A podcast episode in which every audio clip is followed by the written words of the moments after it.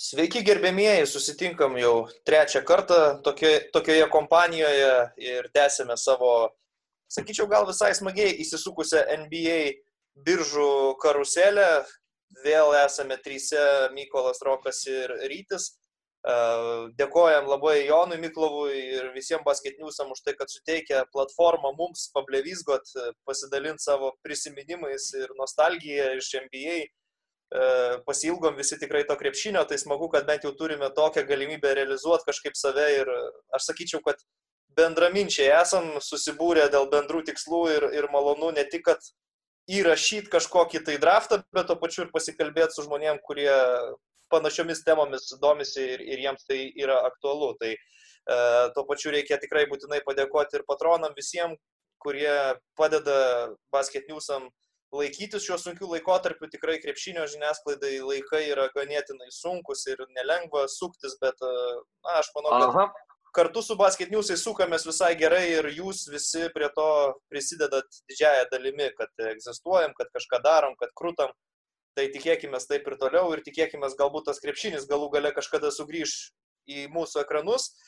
E, tokia vad įžangėlė e, ir pristatysiu iš karto, kokia šį sykį yra mūsų drafto tema. E, nusprendėme pakoreguoti visą sistemą, prieš tai darėme dviejų penkmečių rinkimus. Iš tikrųjų nebuvo ten labai sunku surinkti super komandą, renkantis iš įspūdingų žaidėjų ir tuo pačiu ar tai su Jordanu, ar tai su Lebronu, ar tai su Kobe bandyti laimėti tą vadinamą širdžių čempionatą. Tai pagalvojom tokią temą, kuri ir mums yra didesnis iššūkis, ir mums sunkesnė užduotis, ir jums galbūt leis e, objektyviau vertintas komandas, kurias mes sukomplektuosime. Tai tema šį kartą yra žaidėjai niekada netapę NBA All Starais. Renkamės vien iš tų krepšininkų, kurie niekada per karjerą nebuvo patekę į NBA visų žvaigždžių rungtynes. Aš manau, kad tai bus pakankamai didelis iššūkis. Tai prieš startuojant gal po keletą sakinių Mykolai ir Rokai, kaip sekėsi pasiruošti, nes aš galvoju, kad yra žymiai sunkiau ruoštis tokiai uh, užduočiai nei uh, prieš tai, kai turėjome visą superžvaigždžių uh, kolektyvą. Jo, tikrai taip, net, net buvo uh, keista iš tikrųjų, uh, kaip pasakyti, rasti kelią šitai paieškai, kadangi kaip, kaip rasti žaidėjus, geriausius žaidėjus, kurie niekad nežaidė visų žvaigždžių rungtynėse. Uh, kalbant apie penkmečius, tai buvo All NBA komandos, geriausiai besiginančių žaidėjų komandos, uh, kažkiek atsiminimai, dar kažkas. Čia dabar, kai neturim tikslaus apibriešto laikotarpio, taip pat atsiveria labai daug uh, skirtingų variantų ir skirtingų galimybių. Uh, ir tuo pačiu tiesiog bandyti atsiminti tuos žaidėjus, kurie būtent, kurie paliko vienokį ar kitokį įspūdį ir nežaidė visų žvaigždžių rungtynėse. Buvo, pažiūrėjau, keletas žaidėjų, kur besiruošdamas radau, kur žiūri ir galvoju, o, nežinau, Dokas Riversas. Dokas Riversas buvo geras žaidėjas ir žiūri, kad ne jis vieną kartą žaidė visų. Vieną kartą visi atrodo žaidė. bu, bu, buvo daug tokių, daug tokių žaidėjų, kur susinervinau pamatęs, kad visgi vieną kartą jisai buvo išrinktas. Bet pavyko rasti keletą tokių, aplink kuriuos tikiuosi ir statyti statyti savo komandą ir žiūrėti, kas čia iš to išeis.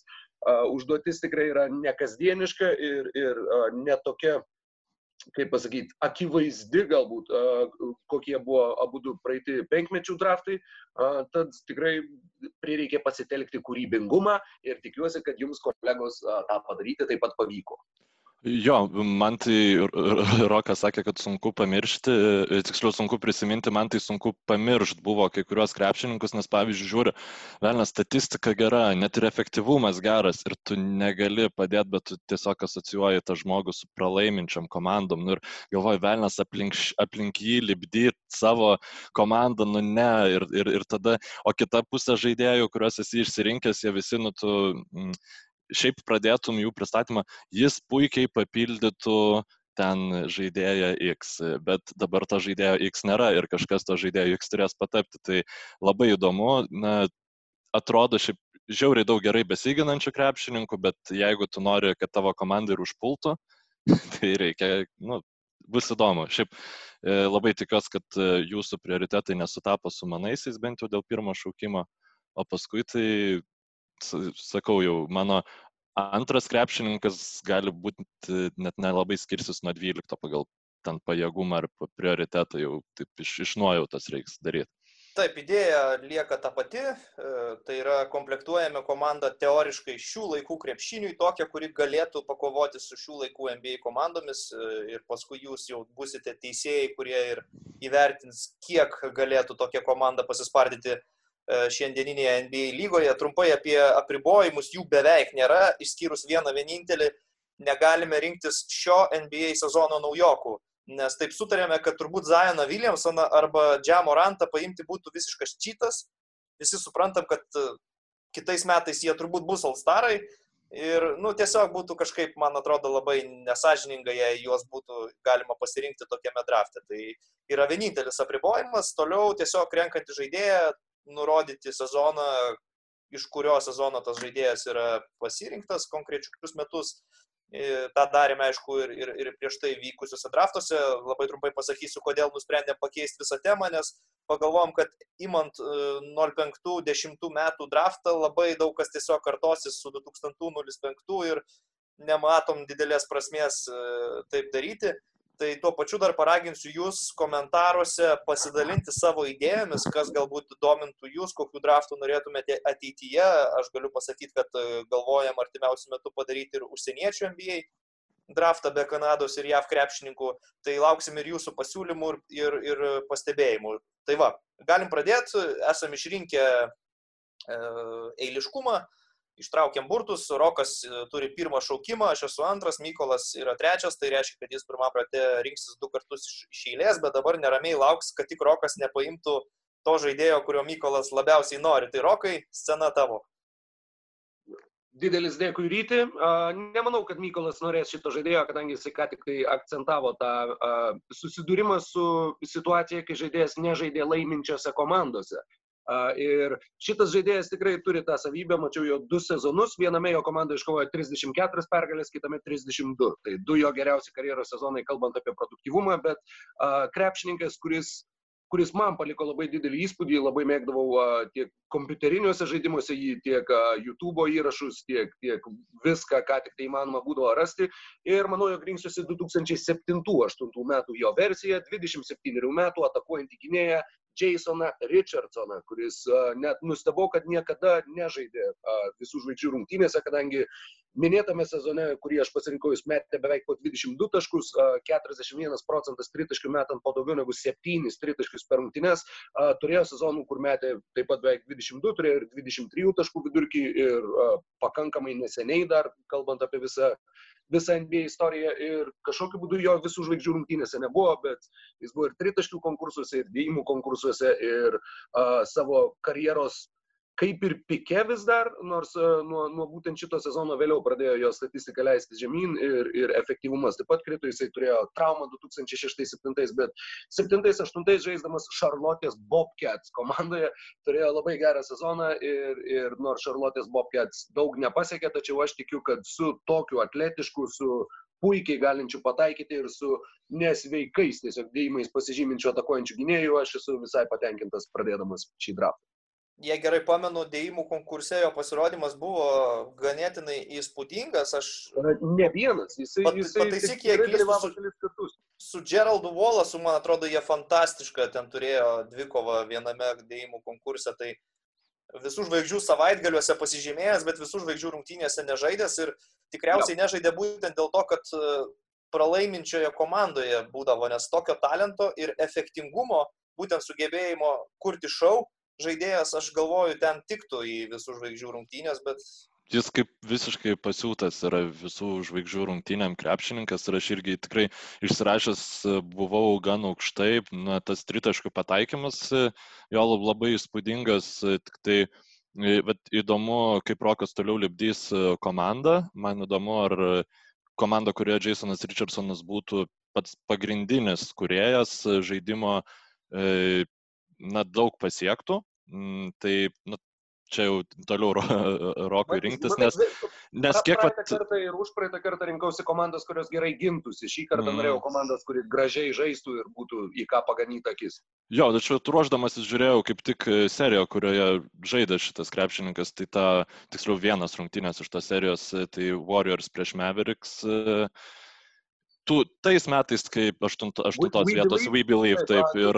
2007 Taip, taip ir būtent tas geriausias e, Richardsono rungtynės išsirinkau, na tai taip, kai tam žmogui krenta, tai atrodo jis nesustabdomas ir kas man patiko, tai jis visai neblogai ir ne, padėjo gintis prieš Dirką Novickį, labai reikiamų laikų atsitraukdavo nuo reikiamų žaidėjų.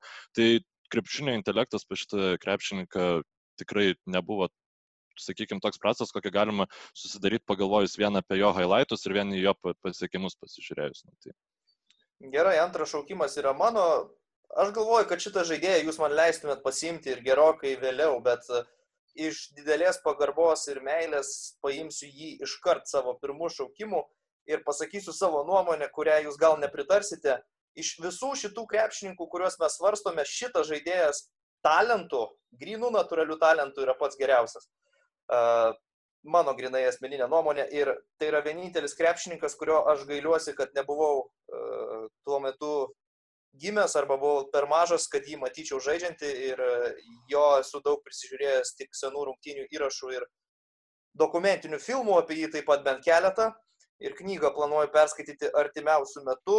Uh, tai yra žaidėjas, kuris tikrai būtų tapęs, būtų išrinktas anksčiau ar vėliau į visų žvaigždžių rungtynes, bet uh, sulaukęs 28 katastrofiškai mirė autoavarijoje. Tai yra atakuojančio gynėjo pozicijoje pas mane Dražinas Petrovičius 1992-93 metai. Mozartas tada rinkdavo po 22 taškus, žaisdamas net 45 procentų tikslumu metė tritaškius.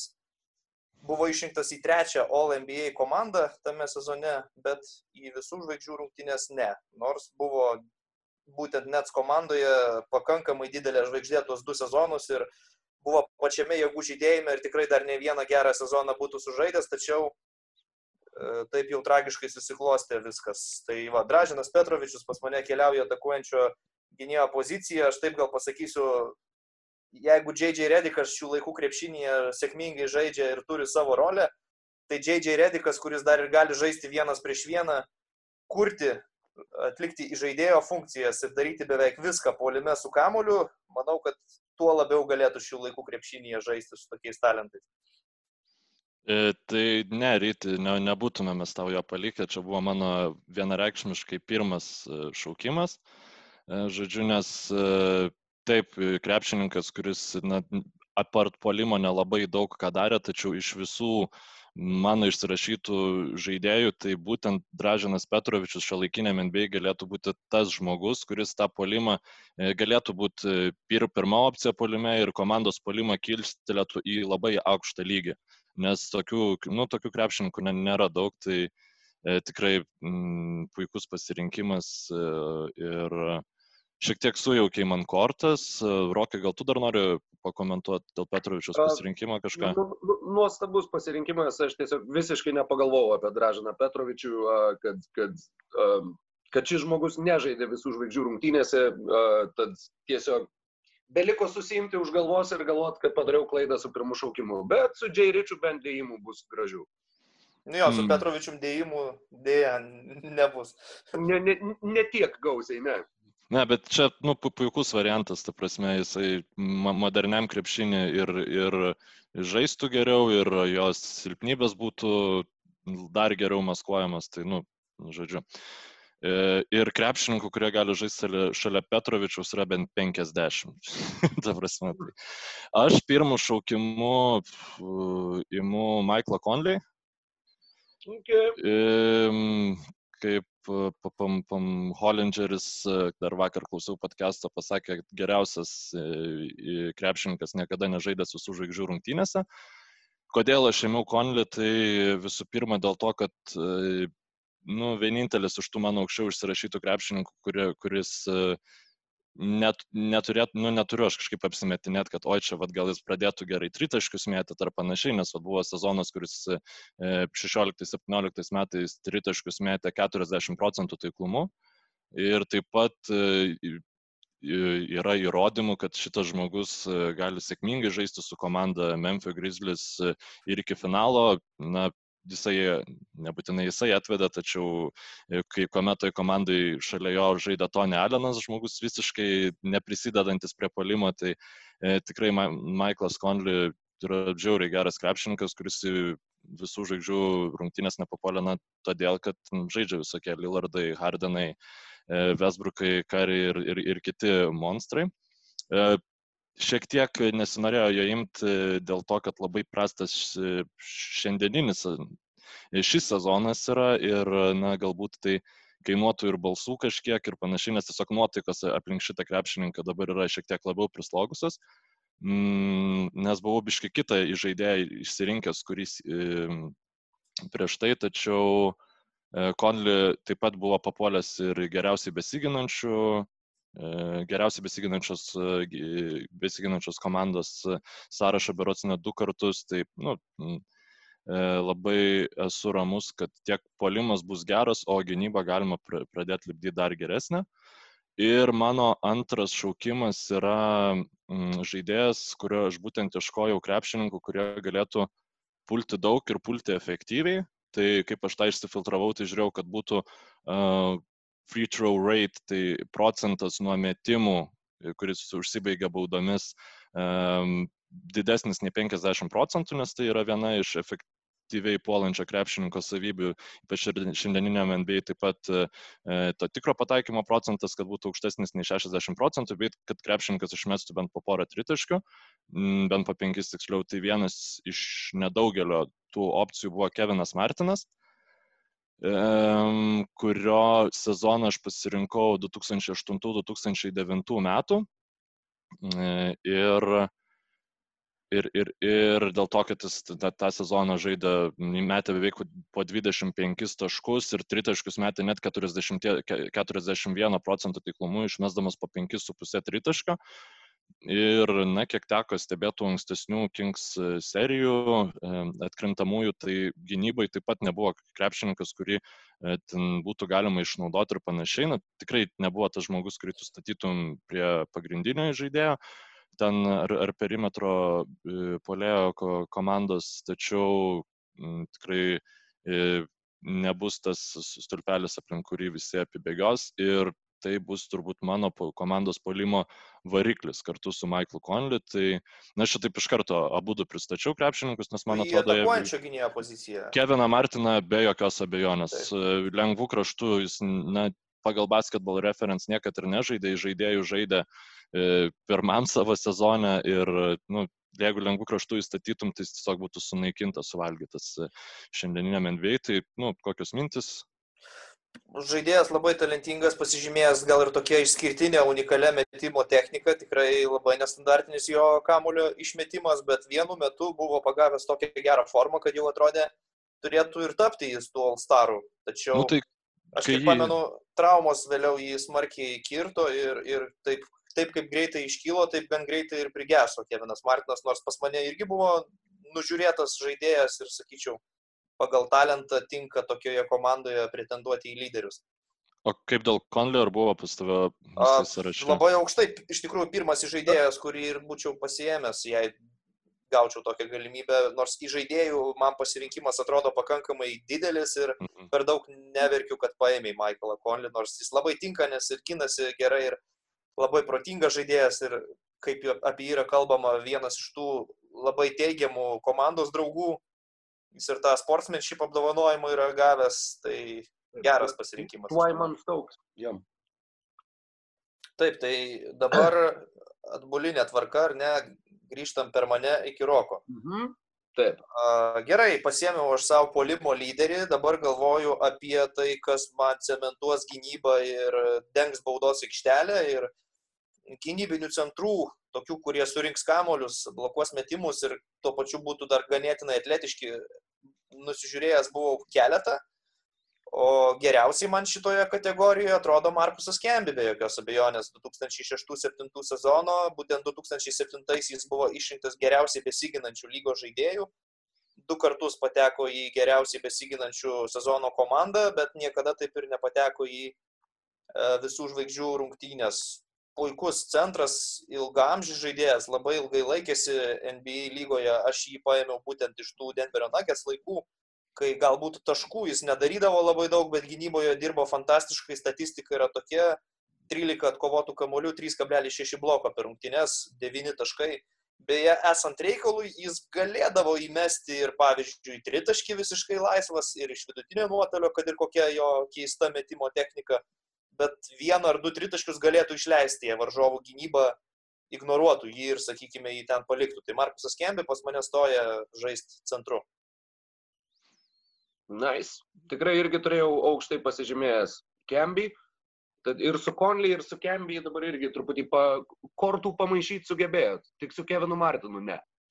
Jo, Kembi saugiausias gal toksai centras, kur, e, ta prasme, ir, ir žingsniai pas jį pakankamai greitai nebūtų išnaudojamas kaip kai kurie kiti. Rankos ilgos, tas wingspanas ir tiesiog įspūdingas. Ir plus kažkaip niekas apie tai, nu, neatsimena taip to krepšinko, tačiau jis rezultatyvius perdavimus, e, pakankamai gerą statistiką tuo klausimu rinkdavo. Ir taip pat laiminčių komandų krepšininkas. Su New Yorku nuėjo iki finalo, su Denveriu irgi pastoviai kovodavo atkrintamosiose. Tai, ir dar galima rimtai. pasakyti, kad jis karjeros e, pradžioje, Torontas, paskui buvo New Yorkas, žaidė gan daug ir sunkiuoju kraštu ketvirtoje pozicijoje, kadangi jam reikėdavo prisitaikyti, ten, pavyzdžiui, prie Patriko Ewingo arba prie Toronto priekinės linijos, kuri irgi tuo metu buvo Taip, ganėtinai visas. stipri.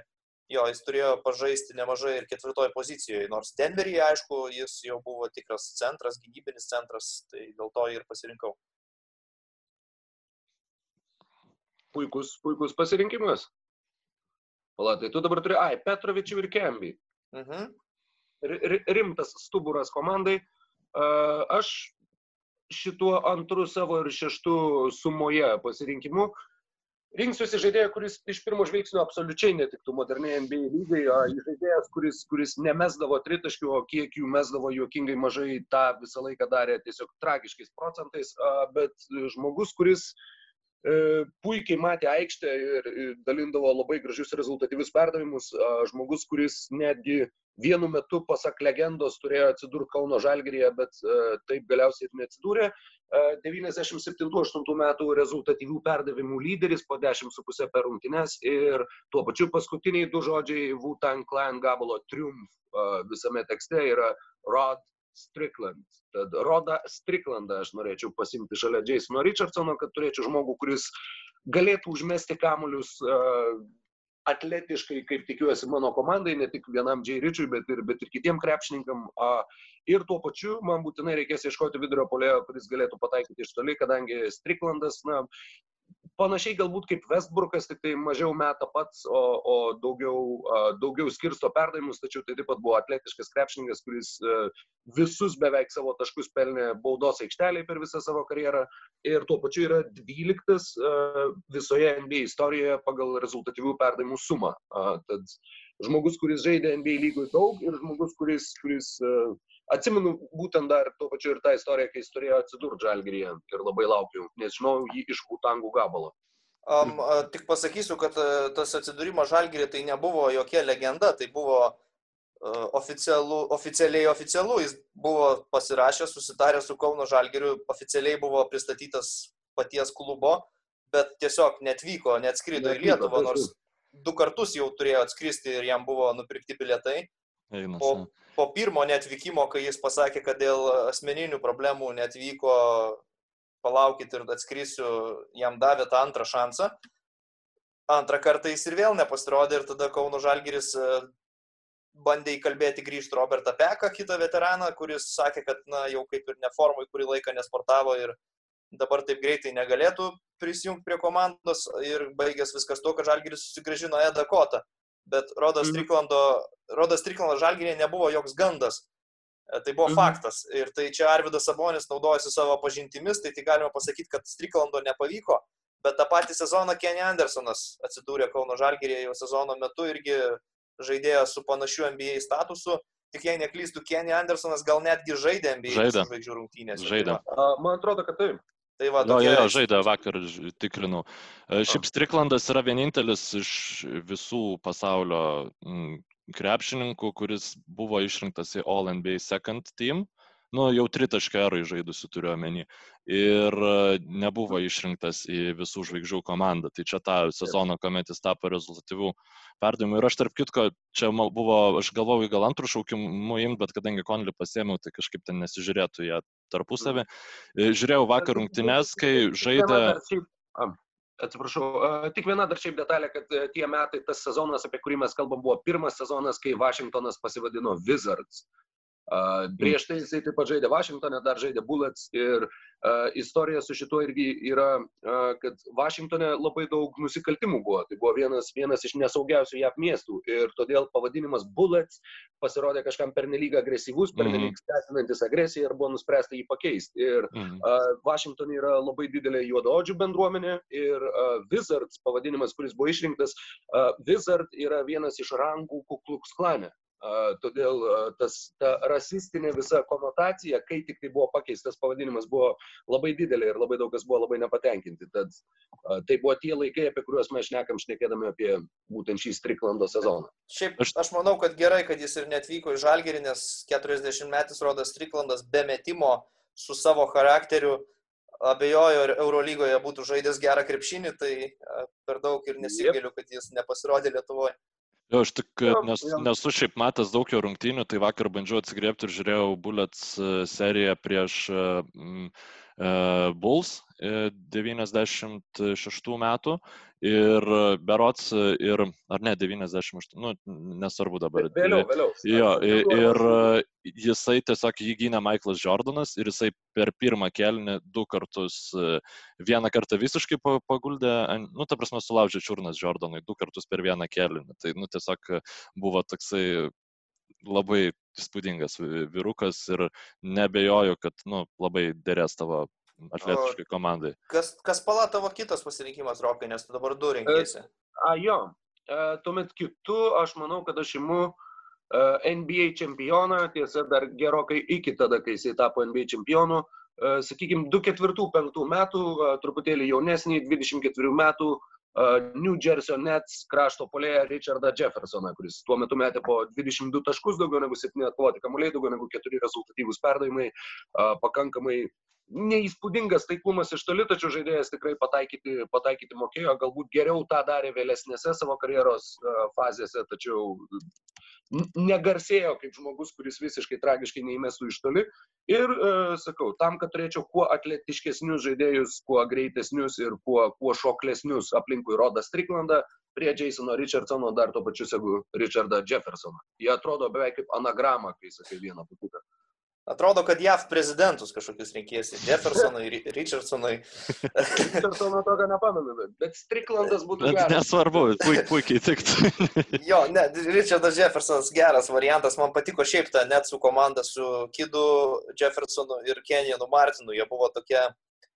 Kirstičius uh, nepamiršk. Nu, kirstičių galima ir pamiršti, aš manau. Bet šitas trejetas tik, tikrai šitas trejetas žaidė, sakyčiau, gražų, efektingą krepšinį, kuris NBA publikai tuo metu, manau, buvo patrauklus. Ir prie viso to tai nebuvo bloga komanda, jie ir laimėdavo, jie, man atrodo, jo, jau buvo Jeffersonas ir kai iki NBA finalo nukeliavo. Taip, buvo jo pirmas ir antras sezonai. Taip, taip, tai va, tai buvo tikrai rimta, rimta komanda New Jersey net tuo metu. O čempionu, aišku, jau tapo į pabaigą karjeros. Bet jis nebuvo tas krepšininkas, kuris karjeros pabaigoje tiesiog nueina ant suolo ir gauna žiedą. Jis ten tapo stebėtinai, nu, žiauriai didelis indėlis jo buvo į tą Cavaliers čempionatą ir nu, nėra priežasties galvot, negalvot, kad žmogus, kuris šitai puikiai įsipaišė į tą besikeičiančios gynybos aikštę praplečiantį stilių uh, savo karjeros pabaigoje, gerai žaistų savo mm, prime, prime. Vis, tai, viskas nu, tikrai žiauriai, gerai su juo būtų. Žiauriai geras pikas. Dar galim pasakyti, kad yra olimpietis dalyvavęs Atenų žaidynėse, Taip. nors žaidynės buvo nesėkmingos amerikiečiam. Prie ko suku? Prie to, kad aš imsiu žmogų, kuriam olimpinės žaidynės buvo gerokai sėkmingesnės. 2008 Pekino olimpiadoje iškovotas auksas man irgi reikia trečio numerio, kuris cementuos gynybą ir tuo pačiu polime būtų pakankamai pajėgus, galintis įmesti tritaškį. E, tai yra Taišonas Princas. Uh. Į lengvojo krašto poziciją 8-9 sezonas dėl to, kad tai buvo geriausias jam sezonas Detroit'e metant tritaškius. 40 procentų taiklumą pasiekė rinkdamas po 14 taškų per rungtynes ir žaisdamas po 37 minutės.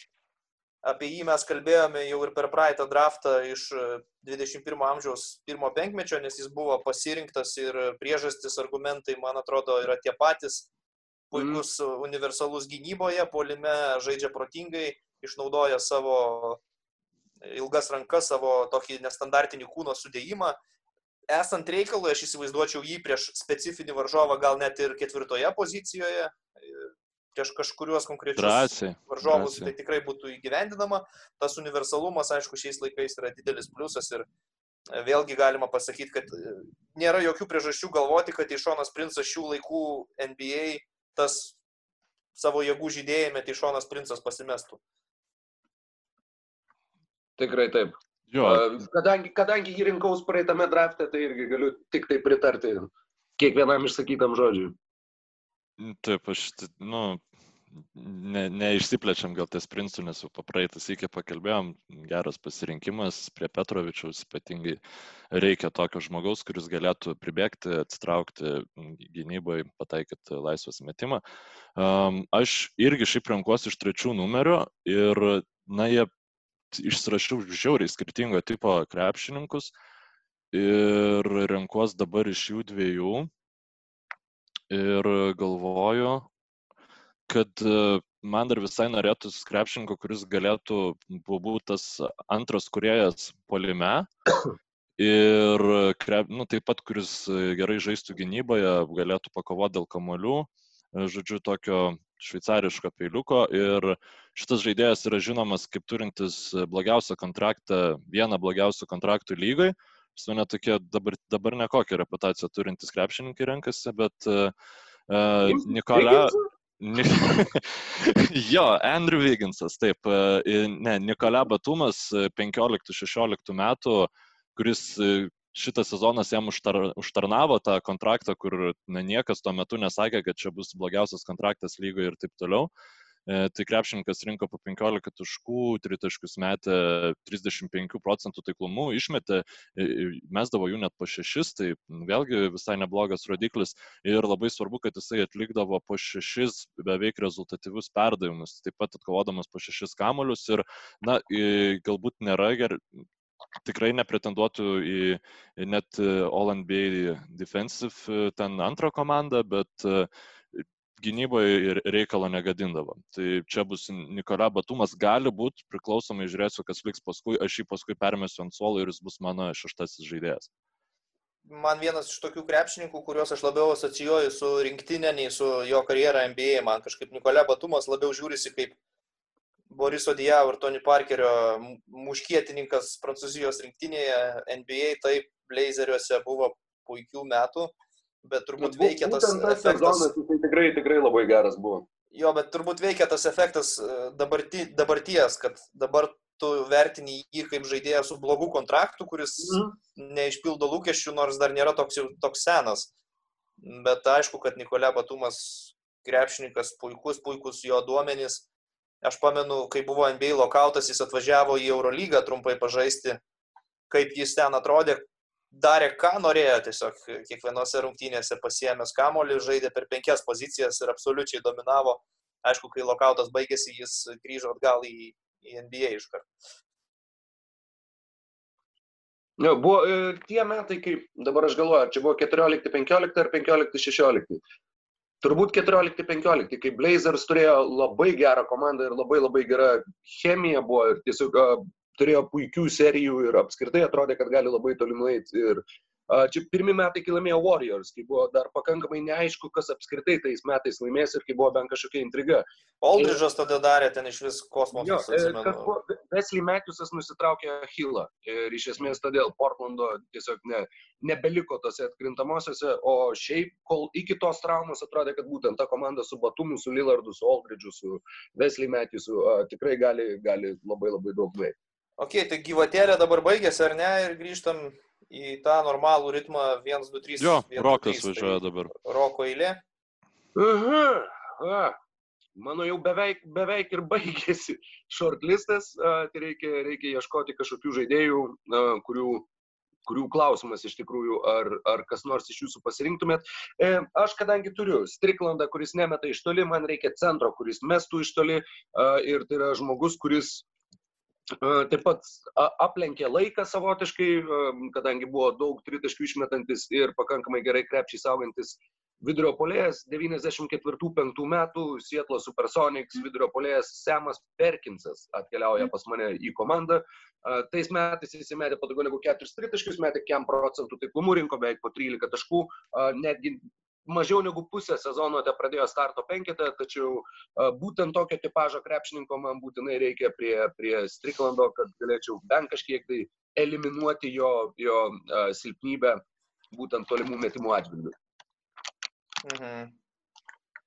Kažkaip pra, pra, pražiopsojau Perkinsą, būčiau, nu, ta prasme, būčiau nepamiršęs, jo būtų kažkuris pas mane atsiradęs, gal taip aukštai nebūčiau ėmęs, bet e, ilgos rankos, jo m, iš, iš tiestų rankų ilgis yra berots 2 metrai, virš 2, 2 metrų 20, man atrodo. Nu, tai prasme, kad šio laikiniam krepšiniui jis...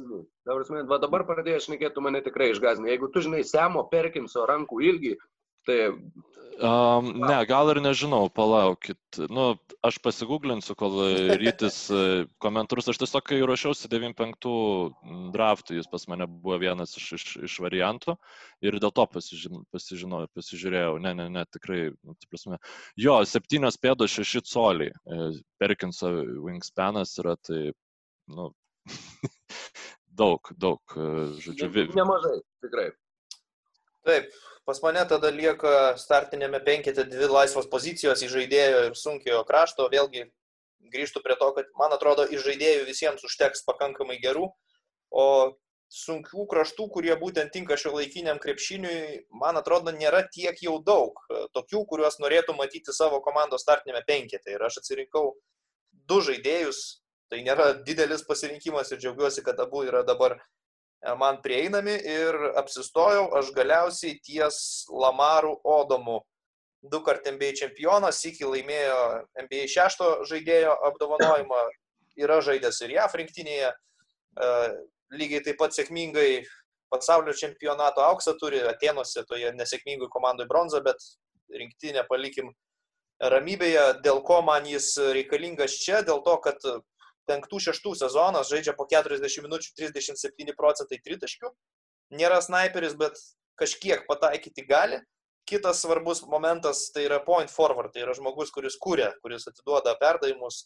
Šiame konkrečiame sezone buvo 5,5 rezultatyvaus perdavimo per rungtynės, 15 taškų vidurkis, 9 atkovoti kamuoliai. E, gynyboje nepasakysi, kad labai geras ypač kontakto žaidėjas baudos aikštelėje, bet vėlgi ilgos rankos susikeisti gali, perimetre gintis gali.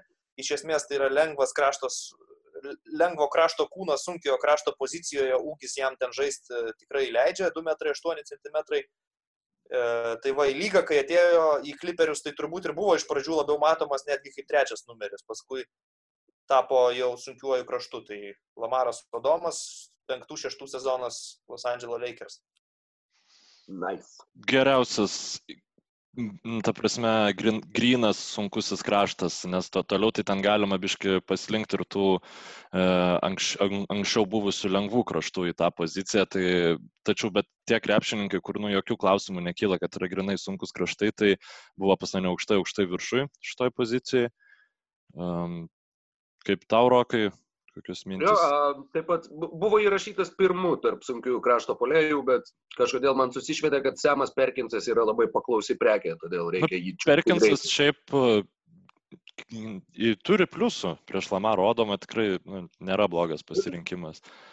Um, taip, šiaip mano išrašyti sunkiai kraštai yra, manau, bus iš vis nepaimti būtų iš vis nepaimti, tad man dabar jį imtis, na, tiesiog pasirašyčiau savo mirties nuosprendį.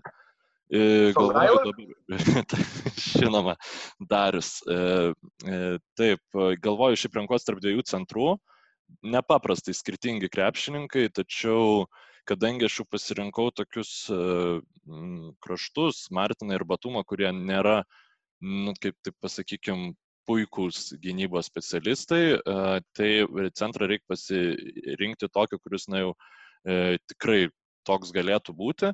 Ir aš renkuosi krepšininką, kuris dabar žaidžia nu, grinai centru, tačiau savo karjerą didžiąją dalį jos žaidė sunkiojo krašto pozicijoje, dėl iš esmės dėl to labai, manau, nukentėjo ir aš renkuosi 14-15 Seržą Ibaką. Jisai tritaškius tą sezoną metė 38 procentų taiklumu, žodžiu, rinko po 2,4 bloko vis dar ir po to sezono kažkaip jau prasidėjo spekulacijos, kad gal iš tikrųjų jam nėra 25 metai, gal jis ten biški vyresnis, nes kažkaip labai greitai sensta. Nežinau, iš visų šitų dalykų neįmai galvo. Praiminis Seržas Sibaka buvo atletikos žvėris ir žaisdamas centru, manau, e, nu, labai praturtins mano komandos. Ir, ir polime bus paprasčiau, nes nereiks ten e, grūstis visiems po krepšiu. Žodžiu, Seržas Sibaka yra mano vidurio polės. Geras Oklahomos laikų Seržas Sibaka, aš jį norėjau e, paimti iš tikrųjų kaip šeštą žmogų, kuris galėtų kilti ir į ketvirtą ir į penktą poziciją, nes pataiko iš vidutinio, pataiko iš toliau, blokai, e, sugebėjimas saugot baudos aikštelę, tuo pačiu ir prisitaikyti prie skirtingų gynybos sistemų, tai nu, labai dideli pliusai jam. Galų gale net ir šių dienų NBA su savo vaidmeniu Torontais vis dar yra pakankamai efektyvus žaidėjas tame vaidmenyje, kurį turi. Tai geras, manau, pasirinkimas. Jo, jis buvo labai svarbus tam visam žygį link čempionų titulo ir taip gali reikalui esant, jeigu visiškai neliks sunkių kraštų, galbūt aš ir pastatysiu į tą poziciją. Dabar yra. Dabar rokas. Dabar rokas. Roko eilė. Taip, dabar mano eilė, aš uh, noriu pasirinkti žmogų, kuris remintis basketball reference žaidė ir lengvo krašto, ir atakuojančio gynėjo, ir sunkaus krašto pozicijų. Dabar pasižiūrėjau, kad jis yra 3 cm žemesnis už Richardą Jeffersoną, tad reikalui esant galės ir Jeffersonas daugiau žaisti sunkių kraštų, bet ko aš labai noriu, aš noriu žmogaus, kuris A pataikytų iš toli, kadangi visi aplinkui Striklandą turi būti geri metikai, ir B taip pat atletiško, galinčio bėgti, šokti ir, ir išdarinėti beprotiškus dalykus žmogaus matysim, na, nepamatysim, kaip ta mano komanda žais, bet šiaip įsivaizduoju, kad ją norėčiau išvysti aikštėje, o sunkių kraštų arba lengvų kraštų keliauja žaisti 7-8 metų Los Angeles Clippers, po 22 taškus tais metais rinkėsi ir 38 procentus tritaškių pataikė su daug metimų, Corey Mageti. Tad Corey Mageti e, kartu su Jasonu Richardsonu ir jaunu Richardu Jeffersonu turėtų būti labai atletiškas tas toks kaip čia pasakyti, wing players, kaip sako anglakalbiai, tai yra tiesiog kraštai, kurie yra, na, ne, ne mažiukai ir nedideli. Ir tas visas tas trejetas e, turėtų, kaip įsivaizduoju, būti pakankamai universalus ir tiek poliume, tiek gynyboje atlikinėti kiek įmanoma kuo daugiau funkcijų. Nu, dėjimais tavo komanda tai jau tikrai laimi, čia yra faktas, o šiaip tai aišku, Magėti Jeffersonas tuo metu, kai uh, buvo beveik žvaigždės NBA lygoje žaidė tikrų trečių numerių, bet ir krepšinis buvo kitoks, o dabar tai faktas, kad įmanoma būtų su jais starto penketė atsistoti, Jeffersonui labiau į ketvirtą poziciją, gal pasistumus, sakyčiau, ne Jeffersonas labiau nei Magėti gal ten tiktų, iš to, ką taip, taip, prisimenu. Taip. Uh, šiaip Mageta turi vieną geriausių pravardžių NBA lygoje, tai yra įvadina Bad Porn. Žodžiu, bad dėl porn? bad porn, jo, nes labai gerai įsisk, įsiskverbdavo angliškas atitikmo šitam žodžiui, manau, žinote, baudos aikštelę. A, ir atrodavo. E, jo, jo, ir kaip kaip aš ten rinkausi tą Keviną, Keviną Martiną, kaip man išfiltravo basketball reference, tai e, kiti du krepšininkai, kurie tinka pagal tą gerą, efektyvų pataikymą ir didelį baudų procentą. E, tai būtent vienas iš jų yra Kori Magetė. Ir aukščiau už Kori Magetę pagal tuos rodiklius buvo iš vis iš visų krepšininkų tik tai Čarlzas Barkley. Tai toksai, nu, tai, ką jis darė, jis darė iš tikrųjų labai gerai, tik tai bėda, kad jis tai darė blogos, blogose komandose, tai gal šiek tiek jo, Nu, jo vertę sumažino. Jinai turėjo potencialo, kai jie turėjo, buvo Odomas, Magetė, Dariusas Milesas, kuris mokėjo tik tai krauti krepšį ir nieko daugiau. Bet ta, ta komanda, kai jie visi tenai buvo vienu metu ir buvo jauni, tai atrodė, kad netgi, kad pagaliau Clippers nebebus pajuokos objektų, nes čia dar prieš Lob City, tai Clippers turėjo labai labai stiprią loserių etiketę. Bet gaila, kad jiems irgi ne, nepavyko nieko doro padaryti kartu, bet šiuo atveju tiesiog džiaugiuosi turėdamas dar vieną atletišką žaidėją savo komandą. Jei neklystų, jis po to dar žaidė ir su Eltonu Brandu ir Semu Kaselu toj kliperių komandai, kuri irgi buvo visai tokia padori ir netgi sugebėjo vien, vieną kartą mesti iššūkį Phoenix'o Suns atkrintamųjų serijoje. Buvo visai gera kova, kiek aš prisimenu. Tai kol ten patikrinsi, ar aš nenusišneku, tada aš renkuosi savo įžaidėją, užsidarau starto penketą. Jau iškart galiu pasakyti, kad galbūt mano gynyba pirmojo, antrojo pozicijose nebus labai gera, bet puolimas ir kūrybingumas žaidėjų bus labai aukšto lygio, tuo pačiu ir sugebėjimas pataikyti metimus. Tai su puolimu, aš manau, mano komandai problemų nebus, bet tada jau treneriui, kuris ją muštruotų, reikėtų labai gerai pagalvoti, kaip jis statys gynybą. Mano žaidėjas yra Maikas Bibi, 2004-2005 sezonas, kai jis, aš tada netgi labai gerai pamenu, nes sekiau viską, kas vyksta NBA tuo metu, buvo tiesiog per plauką nuo visų žvaigždžių rungtynių. Ten jis ir pats e, liko labai nepatenkintas, kad nepateko, nes būtent šiame sezone jis rinko labai gerus skaičius ir Kings vis dar buvo gera komanda, jis e, pelnydavo po 20 taškų, beveik po 7 rezultatyvius perdavimus, 4 atkovoti kamoliai. 36 procentų toks vidutiniškas tritaškių pataikymas, bet mes visi žinom, kad 2 prieš 2 žaidime Maikas Bibi galėdavo nubausti, jeigu jo metimo negerbė, jis gali mesti ir tuo pačiu turėjo reputaciją žaidėjo, kuris mėgsta lemiamus metimus, mėgsta svarbės rungtynės, nebijo jų. Pavyzdžiui, kai žaidė Kings Lakers septintas rungtynės, kai Peža ir kiti net į lanką negalėjo pataikyti, tai Maikas Bibi buvo vienintelis, kuris įmesdavo į krepšį toje stresinėje atmosferoje, bet vis tiek Sakramentas pralaimėjo. Tai aš manau, kad pagal talentą puikus įžaidėjas mano komandai. Minusas vėl yra turbūt gynyba, galimai būtų problemų su tuo, bet galbūt kažkaip viską pavyktų išspręsti. Nu, turėjau antrų įžaidėjų po Rodo Striklando Maiką Bibi. O kalbant apie tą komandą, apie kurią tu kalbėjai, tai buvo 2005-2006 metų sezone. Eltonas Brandas, Cory Magetė ir Semas Kaselas žaidė atkrintamosiose, žaidė kartu, kartu su Katino Mobliai ir su Klaipados Neptūno legenda Danieliu Juvingu. Um, jo, aš tai užsirašiau Maiką Bibi, kai tu pasakė, kad įmė žaidėją, nes kažkaip labai, man tai tas top 3 žaidėjų buvo labai labai aiškus, paskui tai ten jau prasideda visokios jeigu, kaip nors, ten gal ir pavyktų ten pataikyti ir panašiai, Bibi žiauriai geras krepšininkas ir žaidė geroj komandai, tai tas irgi šiaip svarbu yra. Um, aš galvoju, galvoju, galvoju, ką čia dabar man padarius, tikriausiai, kad aš pasinaudosiu tuo, jog man palikot Jaileną Brauną ir aš jį pasiimsiu ir aš dar nežinau, ar Batumas ar Braunas pas mane žais starto penketą.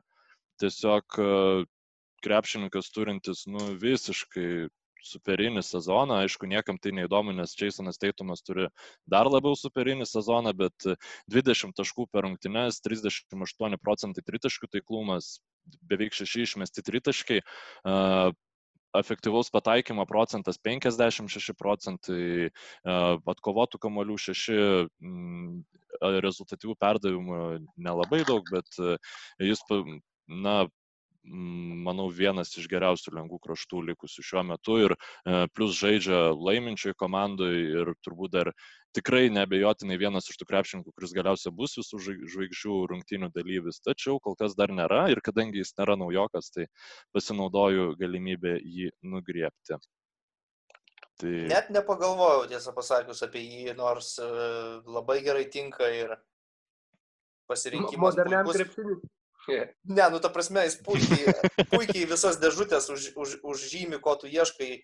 iš esmės komplektuojant komandą, tiesiog, kad aš kažkaip taip užsisvaigau į tuos senesnius krepšininkus, kad pamiršau apie tokį Dželiną Brauną, dar pakankamai jauną žaidėją, kuris dabar išgyvena savo aukso amžių. Tai pagarba Mykolui, kad jis nepamiršo. Nu, man reikia, matai, krepšininkų, kurie... Aš, aš atsiminiau, bet labai gėdingai, nes uh, iš pradžių užsirašiau teitumą ir vėliau tai supratau, kad jis jau žaidė visų žvaigždžių rungtynėse. Tai turėjau ir Brauną ir uh, nuo mano marškinėlių tau linkėjimai, Mykolai. Na va, tai tada pradedame komplektuoti suolą, šeštieji žaidėjai. Rokai, tavo žodis. Mm -hmm. mm, gerai. Mano žodis yra štai čia. Uh, kadangi nors mano komanda labai atletiška ir nors visi gali pataikyti, bet nėra tokio nu, tikrai, tikrai gero stabilaus metiko, tai aš norėčiau pasirinkti žmogų, kuris uh, 89-90 metų sezone metė beveik po 20 taškų, turėjo rezultatyvesnių sezonų savo karjeroje, tačiau visų žvaigždžių rungtynėse niekada nežaidė. Tai žmogus, kuris buvo pramintas The Rifleman dėl savo gebėjimo šaudyti iš toli, tai Čekas Personas, 89-90 metų Indiana Pacers, būtent žaidėjas, kuris gali nežinau, tam, pa, pataikyti į monetą, kurią tu iššautum, išmestum į orą, jis gali ją um, perverti pusiau. Ryte ar buvai šitą žmogų išsirašęs? Ne, ne. Aš Aš, aš, aš labai... Tikrai Aš visą laiką pritraukiu tokių, kur pusė, žinai, nieks net girdėjo. Ne. Aš tiesiog labai mažai lindau į žaidėjus, kurių nemačiau beveik. E, Dražinas yra iš, išimtis, nes nu, jo visiškai būti nemačius ir apie jį ne, nežiūrėjus ir neskaičius, turbūt neįmanoma, jei esi krepšinių besidomintis žmogus. Ir dar kelis galbūt turėjau tokius krepšininkus, kurių šešėlį atsimenu, bet šiaip taip giliai nebuvau nulindęs ir tikrai iš 80-ųjų ten ypač krepšininkai pas mane nepateko į radarą. O dabar aš turiu idėją susikomplektuoti realiai antrą penketuką, kur visi žaidėjai būtų kažkiek panašus į tuos, kurie savo pozicijoje žaidžia starto penketę. Ne, nežinau, ar man pavyks gauti viską, ko noriu, bet kol kas, aišku, galiu, turiu visišką laisvę. Ir pradėsiu tada aš irgi nuo sniperio, nuo žaidėjo, kuris išeitų pas mane kaip šeštas žmogus, pakeistų dražiną kitose situacijose, gal, gal ir kažką kito jam sugalvotų treneris. Tai aš jį jau paminėjau mūsų įrašo metu, kol Rokas keliauja su įrenginiu. Aš sakau, kad įimu J.J. Rediką. 2015-16 sezonas, 16 taškų vidurkis ir 47,5 procentų tritaškių pataikymas. Tai yra įspūdingi skaičiai bet kuriam metikui. Tikrai žaidėjas aukščiausio lygio, labai pasižymintis gerą darbo etiką, aišku, su savais trūkumais, bet galima pasakyti ir tai, kad, pavyzdžiui, 18-19, tai yra dar uh, praėjusiame sezone rinkdavo po 18 taškų ir sėkmingai šį sezoną taip pat atrodė jaunoje Pelikanų komandoje, tai turbūt nereikia daug aiškinti, ką daro komandoje, būdamas Žaidžiai Redikas. Nu, prasme, žmogus, kuris išeina į, į starto penketą kartu su Benu Simonsu ir ten kitais į krepšį sunkiai pataikančiais iš toliau krepšininkais ir staiga komandai pasidaro problematiška apsiginti nuo jos tritaškio. Turbūt po Stefo Kari didžiausią gravitaciją turintis gynėjas šiuo metu lygoje ir tas sezonas, apie kurį tu kalbėjai, tai jisai dar, na, sakykime, ir geriau gindavosi. Ruošiantis podcast'ui teko skaityti vieną straipsnį, būtent Orlando Magic forumo, rašytą ten gudžiais 2010 ar tai kažkur, kažkur tais metais, kur vat, aiškino, kad J.J. Redikas turi žaisti vietoje Jason, Jason Richardsoną, žodžiu, nes jisai geriau gynasi, ne tik dėl to, kad geriau puola. Tai, žodžiu, žmogus kažkaip atrodo, kad per jį visada būtų galima važiuoti polime, bet jisai sugeba padaryti taip, kad ne, nepavyksta. Aš pasakysiu taip, jis turi aukštą krepšinio IQ, kas dažnai gelbėja žaidėjus, kurie turi kažkokių fizinių trūkumų.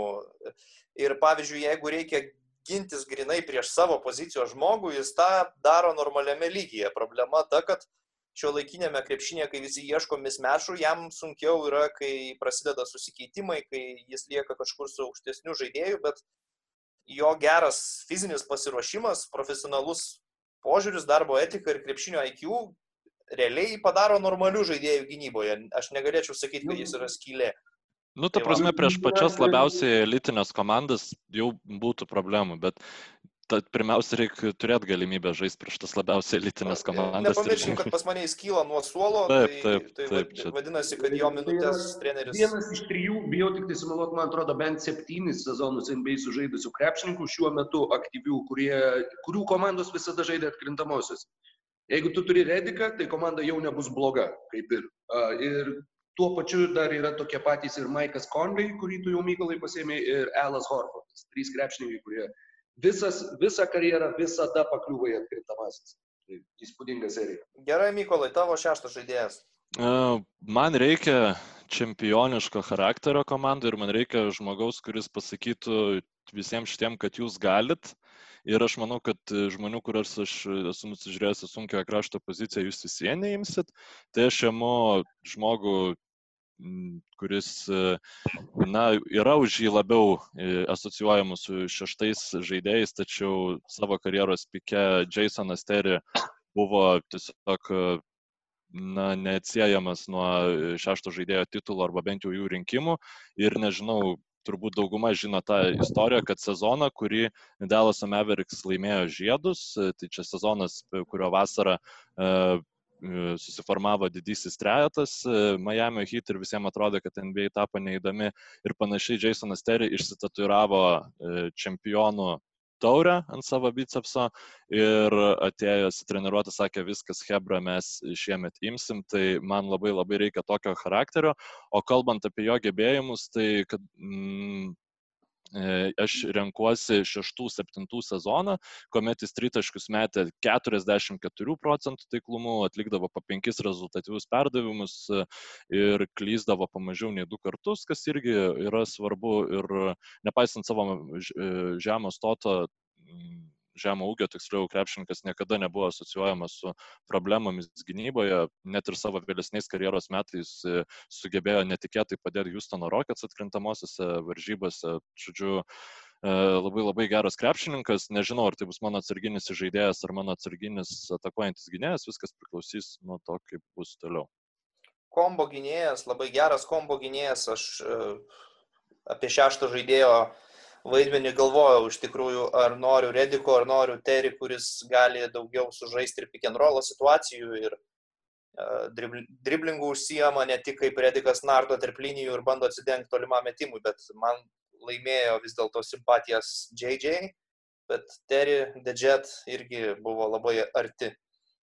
E, Kai, kai žaidė už Houstoną, jisai uh, turėjo žinutę Dalasos ir galiam, kad sakė, nors aš ir žaidžiu už Rockets, bet jeigu mane perpjautų, man bėgtų mėlynas kraujas. Uh, tad pri, prisiekęs Dalaso Mavericks uh, žmogus. Uh, aš norėčiau pasirinkti kitų šaukimų, pratesdamas savo dėjikų visą, visą seriją savo komandoje. Uh, manau, kad šį žmogų taip bent jau įsivaizduoju, kad leisiu netgi kaip vidurio polėje, nors jisai žaidė e, bent jau mano išrinktame sezone lengvojų kraštų, vėliau žaidė sunkiojų kraštų ir tuo pačiu aš jį norėčiau pasirinkti su viena sąlyga, kad pirmas jo išmestas tritaškis bus paskutinis jo išmestas tritaškis mano komandoje, bet aš imu 2006-2007 metų Joshą Smithą, kaip turbo atletišką, turbo šoklų, gerai besiginantį beveik 3 metimus vidutiniškai per rungtynes blokavusi tame sezone 2,9 bloko, tad taip pat įspūdingas skaičius. Ir kaip taip pat žaidėja, kuris, kuris būtų kuo šoklesnis, judresnis ir leistų mano komandai žaisti greitą krepšinį. Taip atrodė tais laikais, kai žaidė Atlantoje, kad anksčiau ir vėliau jis vis tiek taps visų žvaigždžių rungtynių dalyvių, bet iki to nepriaugo, paskui, kai... Tru, tru, truputį galvos nepakako, panašu, kad žmogui. Jo, ir paskui, kai jau buvo kitose komandose, tai aišku, ir jam labiau tą ribotą vaidmenį duodavo treneriai ir kitaip jį išnaudodavo ir jis tapo turbūt aplinkybių auka, kai visi pradėjo ieškoti stretch for, o jis nei tai trečias, nei tai ketvirtas pataikyti negali, kirvių metą tiesiog, nu aš kirvių vadindavau jo metimo techniką Mhm, ir, mhm. nu, natūraliai nebetiko E, dar- turbūt. Jo, e, vienas dar e, skambus dalykas yra tas, jog šiame sezone, 2019-2020 metų sezone, Detroito Pistons sumokėjo 34 metų Joshui Smithui 5,3 milijono JAV dolerių tam, kad jis nežaistų e, jų komandos. Pas, paskutiniai metai, ačiū Dievui, jo, nebe, kitais metais nebemokės. Detroitas bent jau, bent jau tiek išlipo, bet kai Stenas Van Gundy atėjo į Pistons, jisai labai norėjo iškeisti Joshą Smithą, jie tuo metu turėjo Joshą Smithą ir Gregą Monroe ir Andrę Dramondą starto penketę ir Smito iki tiek niekas nenorėjo, kad galiausiai Pistons jį tiesiog atleido su šitą uh, iš, išplėtimo proviziją, žodžiu, išplečiant visą kontraktą į, į daugiau metų ir tokiu būdu mokant po mažiau pinigų per sezoną. Aš tai Džošą Smitą imčiau savo kaip pirmą šaukimą, jeigu aš galėčiau jį pasimti iš konkrečiai vienų rungtynių, dviejų kelinių.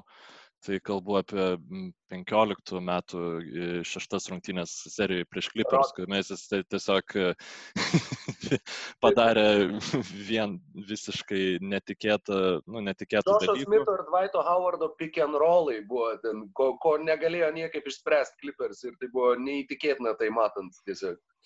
Jo, bet šiaip NBA live laikų žvėris, pas tave visi yra, turbūt jeigu žaistumėm NBA live kokią, tai Rokas mus su ryčiu suvarytų vieną ranką žaisti. Bet jeigu NBA live. NBA live, tai ten po verpstės dėjimai, e, ženkliukas su tuo ugniniu bateliu, ant mhm. magėti Richardsono Smito ir, nu, ten Pas Richardsoną, pas Joshą Smithą, man atrodo, dar abi dvi lėtinas būdavo. Nu, tiek, Taip, blokas, tiek blokas, tiek gynybai. Ten, nu, žodžiu. Aha, gerai, aš, aš tada irgi imu sunkų kraštą ir, kaip ir sakiau, ieškau antro penketo panašaus stiliaus žaidėjų. Tai kaip Jūs manot, kas yra pagal mano filtrą asmeninį arčiausiai Lamaro Odomo? Aš tikiuosi, kad tu nepasimsi to žmogaus, nes aš nu, žiauriai nuliūdė, nu, nuliūdėčiau. Nu, nežinau, ar čia tas ar ne tas žmogus, bet tai yra Tony Kukočius. Mano nuomonė, arčiausiai Lamaro Odomo pagal daug dalykų. Tai yra irgi tapęs šeštuoju žaidėju, irgi pasiekęs nemažai tarptautinėje arenoje su savo šalies rinktinė, irgi žaidęs Philo Jacksono čempioniškoje komandoje, susirinkęs tris čempiono žiedus, irgi buvo point forward, kuris ar žaistų trečių numerių, ar ketvirtų, atlieka nemažai rezultatyvių perdavimų ir atliko labai svarbu vaidmenį trikampio polimo sistemoje. Tai man jie gan panašus tuo klausimu, dar prie viso ko abu kairė rankiai. Tai, nu, tikrai. Ir žaidimo kūrimo atvilgių irgi. Uh, Taip, tikrai. Tai... Pa, panašumų išvelgti galima. Niekad nebuvau pagalvojęs apie tai, bet, bet visiškai pritariu šitai. Pasirinkti sezoną, tai tie trys čempioniški kukučiaus sezonai Čikagoje visi labai panašus, tai natūralu imti, logiškai imti tą, kuriame tritaškių taiklumas buvo geriausias, tai yra 95, 96, 40 procentų. O šiaip jis visada rinkdavo maždaug po 13 taškų, maždaug po 4 rezultatyvius perdavimus ir maždaug po 4 atkovotus kamolius, kai atėjo į NBA, jo didžiausia problema, aišku, buvo gynyba, jį visi atakavo toje labai fiziškoje lygoje paskui jis šiek tiek priaugo svorio ir, ir kažkiek geriau atrodydavo, nors vis tiek ne dėl gynybos jį labiausiai vertindavo. Tai va, pas mane keliauja 95-96 Tony Kukočius. Nice. Gerai, metas man į starto penketą pasimti krepšininką, kurį aš tikrai, nu, nesitikėjau, kad e, teks jį imti ir galbūt net kiek baisoka imti, nes uh, ne visi žmonės supranta, kad čia yra žmogus, kuri nepaisant savo jauno amžiaus ir, sakykime, gal šiek tiek dar netobulumų gynyboje, jisai yra vienas geriausiai tritaškius pataikančių aukštaūgių lygos istorijoje jau dabar. Ir tai yra Jaren Jackson, Jarenas Jacksonas jaunesnysis, žmogus, e, kuriam yra 20 metų, kuris turi visus duomenius, e, duomenius, duomenis e, gerai gintis, ten keistis gynyboje per porą pozicijų tikrai gali, tačiau dar kol kas labai nemažai baudų prisirenka, tačiau problemos jį pakeisti nebus, rasim, kas jį pakeis, o tritaškius jis meta 40 procentų taiklumu ir juos išmeta po 6 per rungtynes. Turint omeny šito krepšininko ūgį, tai yra labai labai uh, įspūdinga, nes, nu, žodžiu, džiaugiuosi, iš tikrųjų su Seržu Ibaka bus labai fainas priekinės linijos duetas ir Michaelas Conley galės paaiškinti šiek tiek apie tikrąją Memphis Grizzlies kultūrą. Mm. Geras, buvau, buvau taip pat atsirinkęs šitą žaidėją ir galvojau apie jį, bet Semas Perkinsas jį nukonkuravo kaip patyręs Vilkas. Mano kitas pasirinkimas, aš renkuosi žmogų, kuris taip pat turėjo pakankamai įspūdingą karjerą, daugiau negu 13 tūkstančių pelnytų taškų per 9, 11, 14, 16 NBA praleistų sezonų. Ne, čia kažkaip tai mažiau. 12, 11. Na, koks koks, koksgi galų galės skirtumas. Ir žmogų, kuris 2000 metais nukeliavo iki NBA finalo kartu su Indianos Pacers ir tais metais rinko po 18 taškų, beveik 5 kamuolius, 4 perdavimus. Žmogus, kuris gali žaisti lengvų kraštų atakuojančių gynėjų ar netgi žaidėjų ekstra atvejais. Tai yra žmogus, kurį dabar dažniau matom ekrane kalbantį apie krepšinį, negu kad matom jo uh, karjeros gražiausius epizodus. Tai Jailenas Rauzas kurį norėčiau pasirinkti būtent šituo 22 sumoje šaukimu 99-2000 metai Indianos Pacers.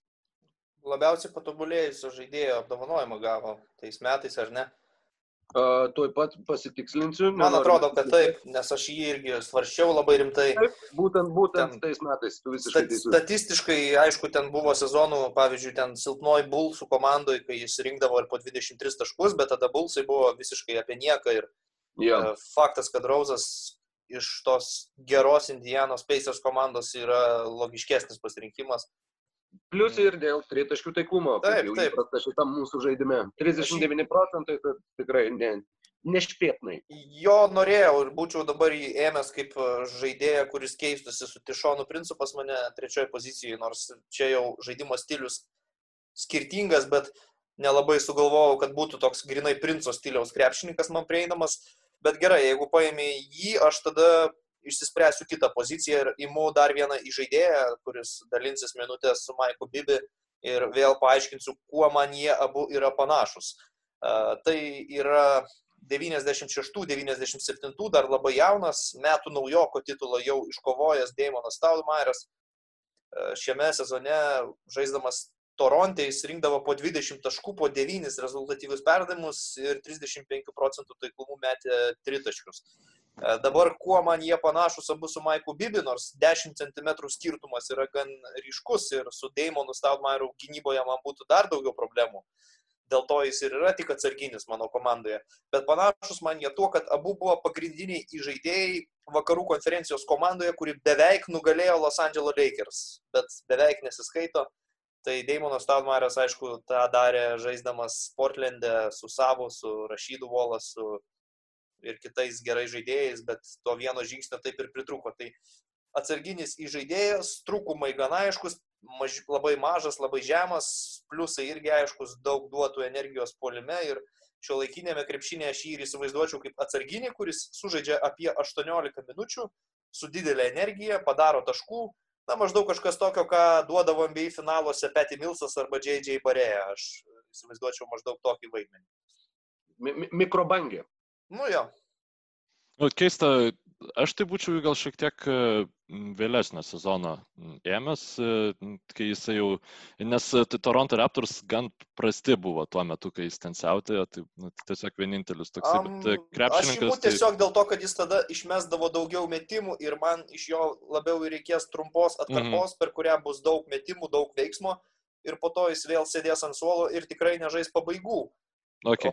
Pacers komandoje, sakykime, jis daugiau kurdavo kitiems nes ten buvo žaidimas prie priekinę liniją, per rašydą volasą. Tai, tai va, tiesiog dėl to.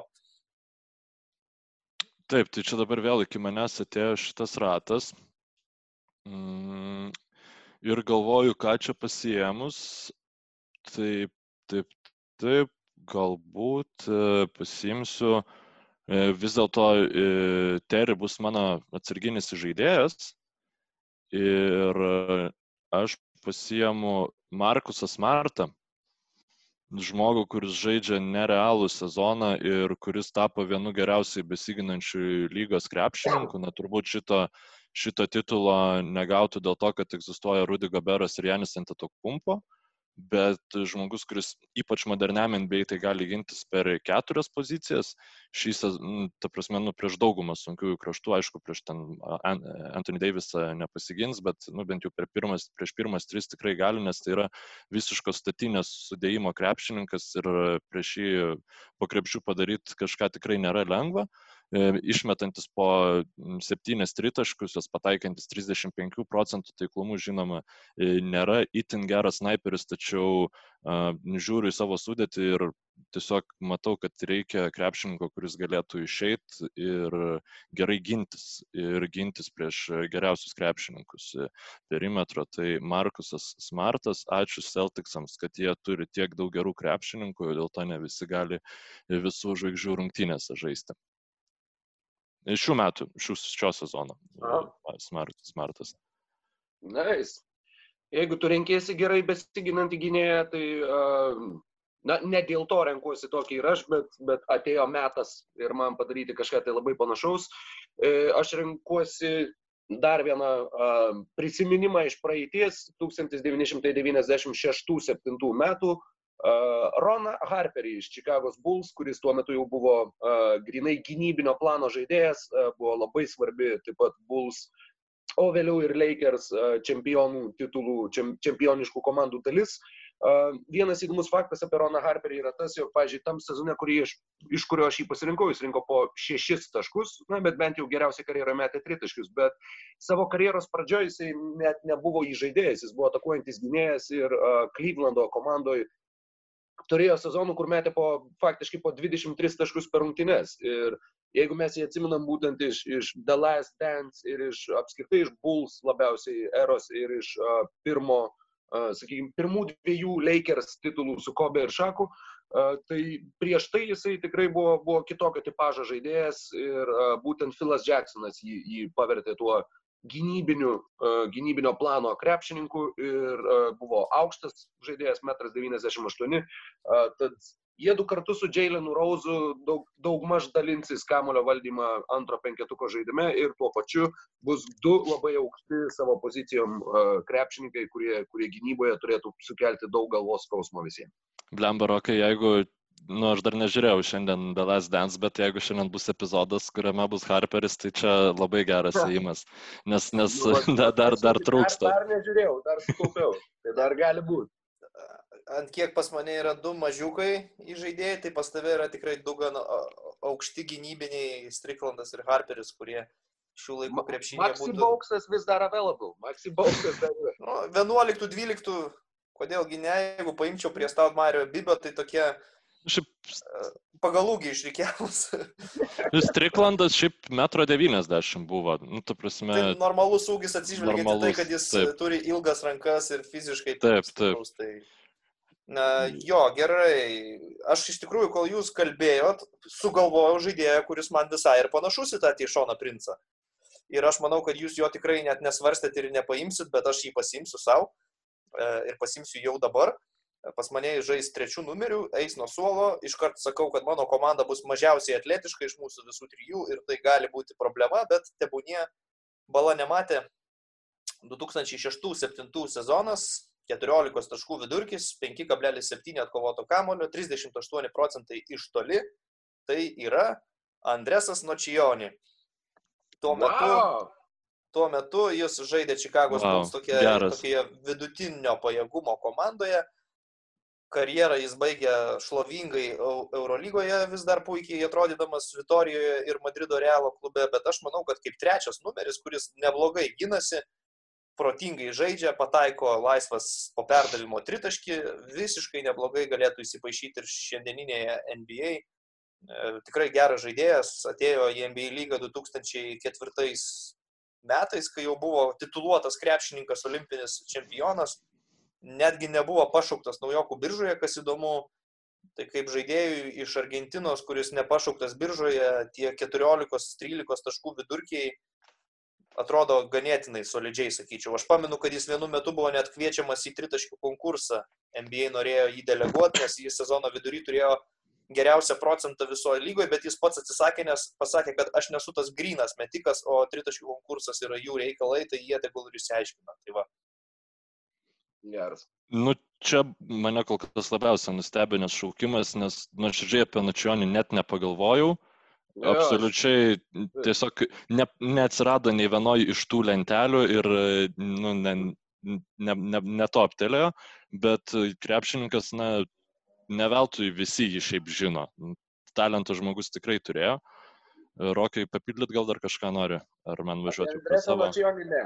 Nu, tiesiog, aš sakau, man galiausiai viskas taip susidėjo ir jų netgi skaičiai yra panašus, kaip tokie treti numeriai, dvimetriniai, su Teišonu mm. princu kažkuo panašus, abu irgi labai protingi krepšininkai, komandiniai, darbininkai tokie. Man tik atrodo, kad princas šiaip ženkliai greitesnis turėtų būti. Jo, bet nu, tai nežinau. jis greitesnis, atletiškesnis ir turi ilgesnės rankas, bet kaip ir Nočionis, tas jaunas Nočionis buvo vikrus ir prieš trijų pozicijų žaidėjus laisvai galėjo gintis netgi sunkių kraštų pažaisti galėtų, ką jis ir darė Europoje karjeros pabaigoje, kai jau tikrai buvo smarkiai sulėtėjęs ir tiesiog daugiau rėmėsi tritaškiais ir geroji Madrido Realo komandoje tas jam pavykdavo. Aš e, savo, nežinau, kuris čia jau šaukimas, bet 27, 27 e, šaukimu imu krepšininką, kuris jeigu būtų žaidęs načionį laikais, niekada nebūtų žaidęs sunkiojo krašto pozicijoje, bet šį sezoną jis jau jo žaidžia ir, na, galbūt būtų žaidęs nesvarbu, bet tai yra vienas iš efektyviausiai ir geriausiai e, puolančių krepšininkų iš mūsų šito sąrašo. Apskritai aš jį e, dvėjojau imti dėl jo problemų gynyboje, tačiau šį sezoną jis e, žaidžia komandai, kurioje ginas ganėtinai neblogai. Ir tai yra Danilo Galinari, žmogus meta po 19 taškų per rungtynes, tai daro labai efektyviai, 55 procentų e, taiklumu, tas efektyvus e, pataikymo procentas, tritaškus meta po 7, 7,3 ir meta jos 40 procentų taiklumu, būdamas e, vienareikšmiškai geriausias metikas Oklahoma City Thunder komandai. Tai parodo, kad na, galbūt tie procentai prie geresnių krepšininkų būtų dar aukštesni, bet reikalui esant Danilo Galinari galėtų tapti absoliučiai mano puolimo pasirinkimu numeris vienas. Ir, na, labai džiaugiuosi, kad jūs jį man palikot. Šiek tiek jaučiau, kad turbūt nei rytis, nei rokas jo nepasiims. Ir turbūt gal aš jo neėmiau. Aš kukočių kalbėjau, kad aš, aš, aš imsiu galinarį ar ne. Jo, jo, jo, šiek tiek buvo to, bet kažkaip tu ten kažką greitai pasakai, kad supratau, kad ne. Šitą. E, ne, ne, kai sakai to nekuko, čia aš dar pasimsiu tą žaidėją. Nu, jo, gerai, gerai. Dar, dar, dar ir pasimsiu. Gerai, nu ir pasimk, nu ir pasimk tada savo. Gerai. Nu, dabar uh, Roko mėgstamiausi 11 ir 12 žaidėjai. Dar, o planas jau po 5, ne, dar 20. Ai, dar 10 dabar. Ja, dar, dar centrus. Taigi, kas pas tave kembi keis? Tai dabar Rokas sprendžia savo klausimą. Taip. Mm. Mano klausimo sprendimas yra atatinkamas. Aš norėčiau dar vieno tvirtai sudėto krašto, kuris taip pat galėtų keistis gynyboje ir, ir bent jau kažkiek tai pataikyti iš toli. Ir todėl aš renkuosi 2008-2009 metais po beveik 21 tašką metusį Steveną Jacksoną iš Golden State Warriors ir uh, tuo pačiu uh, būsiu ramus, jo komandai bus ir tas, uh, angliškai sakant, enforceris, tai yra tas uh, apsauginis ir tas, tas žmogus, kuris, jeigu kils koks nors konfliktas, visą laiką stos pirmas už komandą. Vienas iš tų žaidėjų, kur apie Patriką Beverly, pažiūrėjau, taip dabar labai populiaru sakyti, kad tai yra žmogus, kurio tu nekenti, jeigu jis yra varžovų komandoje ir dievinė, jeigu jis yra tavo komandoje. Tad Stevenas Jacksonas kažką turėjo labai panašaus ir, ir aš visai džiaugiuosi jį taip pat priglausdamas ir tikiuosi, kad jisai bus tas žmogus, kuris pasirūpins, kad Džošas Smithas tikrai nemėtytų tritaškų. Kurio sezono Stevenas Jacksonas? 8-9. Mhm. E, labai, labai gerai gynybą žaidžiantis krepšininkas gali žaisti per kelias pozicijas ir reikalui esant, jeigu tavo startiniam penketą, pavyzdžiui, Kori Mageti uh, nu, taptų nebe toks reikalingas, e, jį pakeis drąsiai galėtų Jacksonas, tiesiog e, mažiau kamulio jam reikia, man taip atrodo, ir moderniam krepšiniu labai gerai žaistų. Gerbiu jį už tai, kad uh, tikrai prisidėjo gan svariai prie Sparsų titulo 2003 metų, o po to man jis labiau įsiminęs kaip Pacers žaidėjas, nors ir paskui dar turėjo Warriors gerą visai atkarpą ir, ir į Sparsus netgi dar buvo nuklydęs karjeros pabaigoje. Tai bet man kažkaip jis vat, būtent su Pacers uniforma iškyla atmintyje. Man kažkaip Warriors ir šitą We Believe team, ta, apie kurią aš nekėjau. Jo, tai tos, tą sezoną jis ir pradėjo būtent Pacersuose kartu jo, su Jasikevičium ir, ir Harringtonu pateko į mainų sukūrį ir, ir kaip mhm. pamatėm, tuose mainuose Warriors tikrai išlošė, atiduodami, ką ten jie Murphy ir Danlevy, man atrodo, davė. Gali būti, gali būti. Uh, taip. Kad to, toj legendiniai serijoje, kurie nukalė pirmą vietą Šarūnas Jasikevičius. Ir jis gynė, atrodo... jis gynė Dirką Novickį visos serijos metu. Stevenas Jacksonas? Taip, jisai, e, Donas e, Jaskevičius rašė savo knygai, kad, žodžiu, Dono Nelsono sunus, kuris buvo Lietuvos rinktinės trenerių štabe, aš vardu dabar neprisimenu. E, jisai pasiūlė būtent tai, kad e, Mindaugas Žukauskas turėtų ginti Dirką Novickį Europos čempionate, nes Dirkui Novickį tuo metu sunkiai sekdavosi prieš mažesnius krepšininkus, kurie labai kybiai gali gintis perimetrą. Ir šį manevrą būtent panaudojo Donas Nelsonas e, toje serijoje, kuris, nu, nepaslaptis, anksčiau treniravo mm, Mavericks, Mavericks komandą ir Dirką Novickį pavertė tai ko jis yra iš dalies. Tai, nu, žodžiu, dėl to aš ir akcentavau tą gerą gynybą. Gerai, tai Mykolas šitaip nekantravo sužinoti, kas pas mane keis Markusą Kembi. Tai ir atskleisiu tą e, naujieną, žaidėjas, kuris vis dar yra, ką čia vis dar yra, jis yra pačiame jėgų žydėjime ir kas ten žino, gal net ir pasieks kažkada tą visų žvaigždžių krepšinio lygį, jam yra 26 metai, 27 dabar jau. E, šiuo metu irgi man reikėjo centro, kuris nusims kamolius, kuris uh, uždengs baudos aikštelę, kuris galės blokuoti metimų ir kuris būtų dar ir ganėtinai pakankamai judrus. Tai ūgis, kaip ir Markuso Kempi 2.11, stiprus kūnas, 2018-2019 sezonas, Stevenas Adamsas, Oklahoma Thunder, 14 taškų, 9,5 kamulio, daugiau nei po vieną bloką, tokia statistika visi puikiai žinot, ką jis gali, visi puikiai žinot, kaip jis žaidžia. Šį sezoną kažkiek sumažėjo minučių skaičius aikštelėje, nes galbūt ir kitokį krepšinį pradėjo žaisti komanda, bet neblogas partneris ir pick and roll situacijoms puolime ir puolime atkovotų kamolių duoda nemažai, kas, kas aišku yra papildomos galimybės. Tai vad pas mane jis dalinsis laiką su Markusu Kembi. Neseniai. Tikrai stipri priekinė linija. Tarsi būtent to fizinių atžvilgių labai stipri priekinė linija. Neseniai Facebook'e tiesiog užskrolinau, kad e, ten Tenderio fanų puslapis pasidalino tiesiog užtvarom, kurią stato Stevenas Adamsas ir ten kažkas brutalaus yra. Tai prasme, žmogus taip sugeba įbest kojas į, į, į parketą, kad e, wow. E, gerai, aš metu iššūkį uh, ryčiui ir sakau, kad jo pasirinktas krepšininkas nėra talentingiausias iš visų galimų pasirinkti krepšininkų, jeigu kalbant apskritai apie talentą.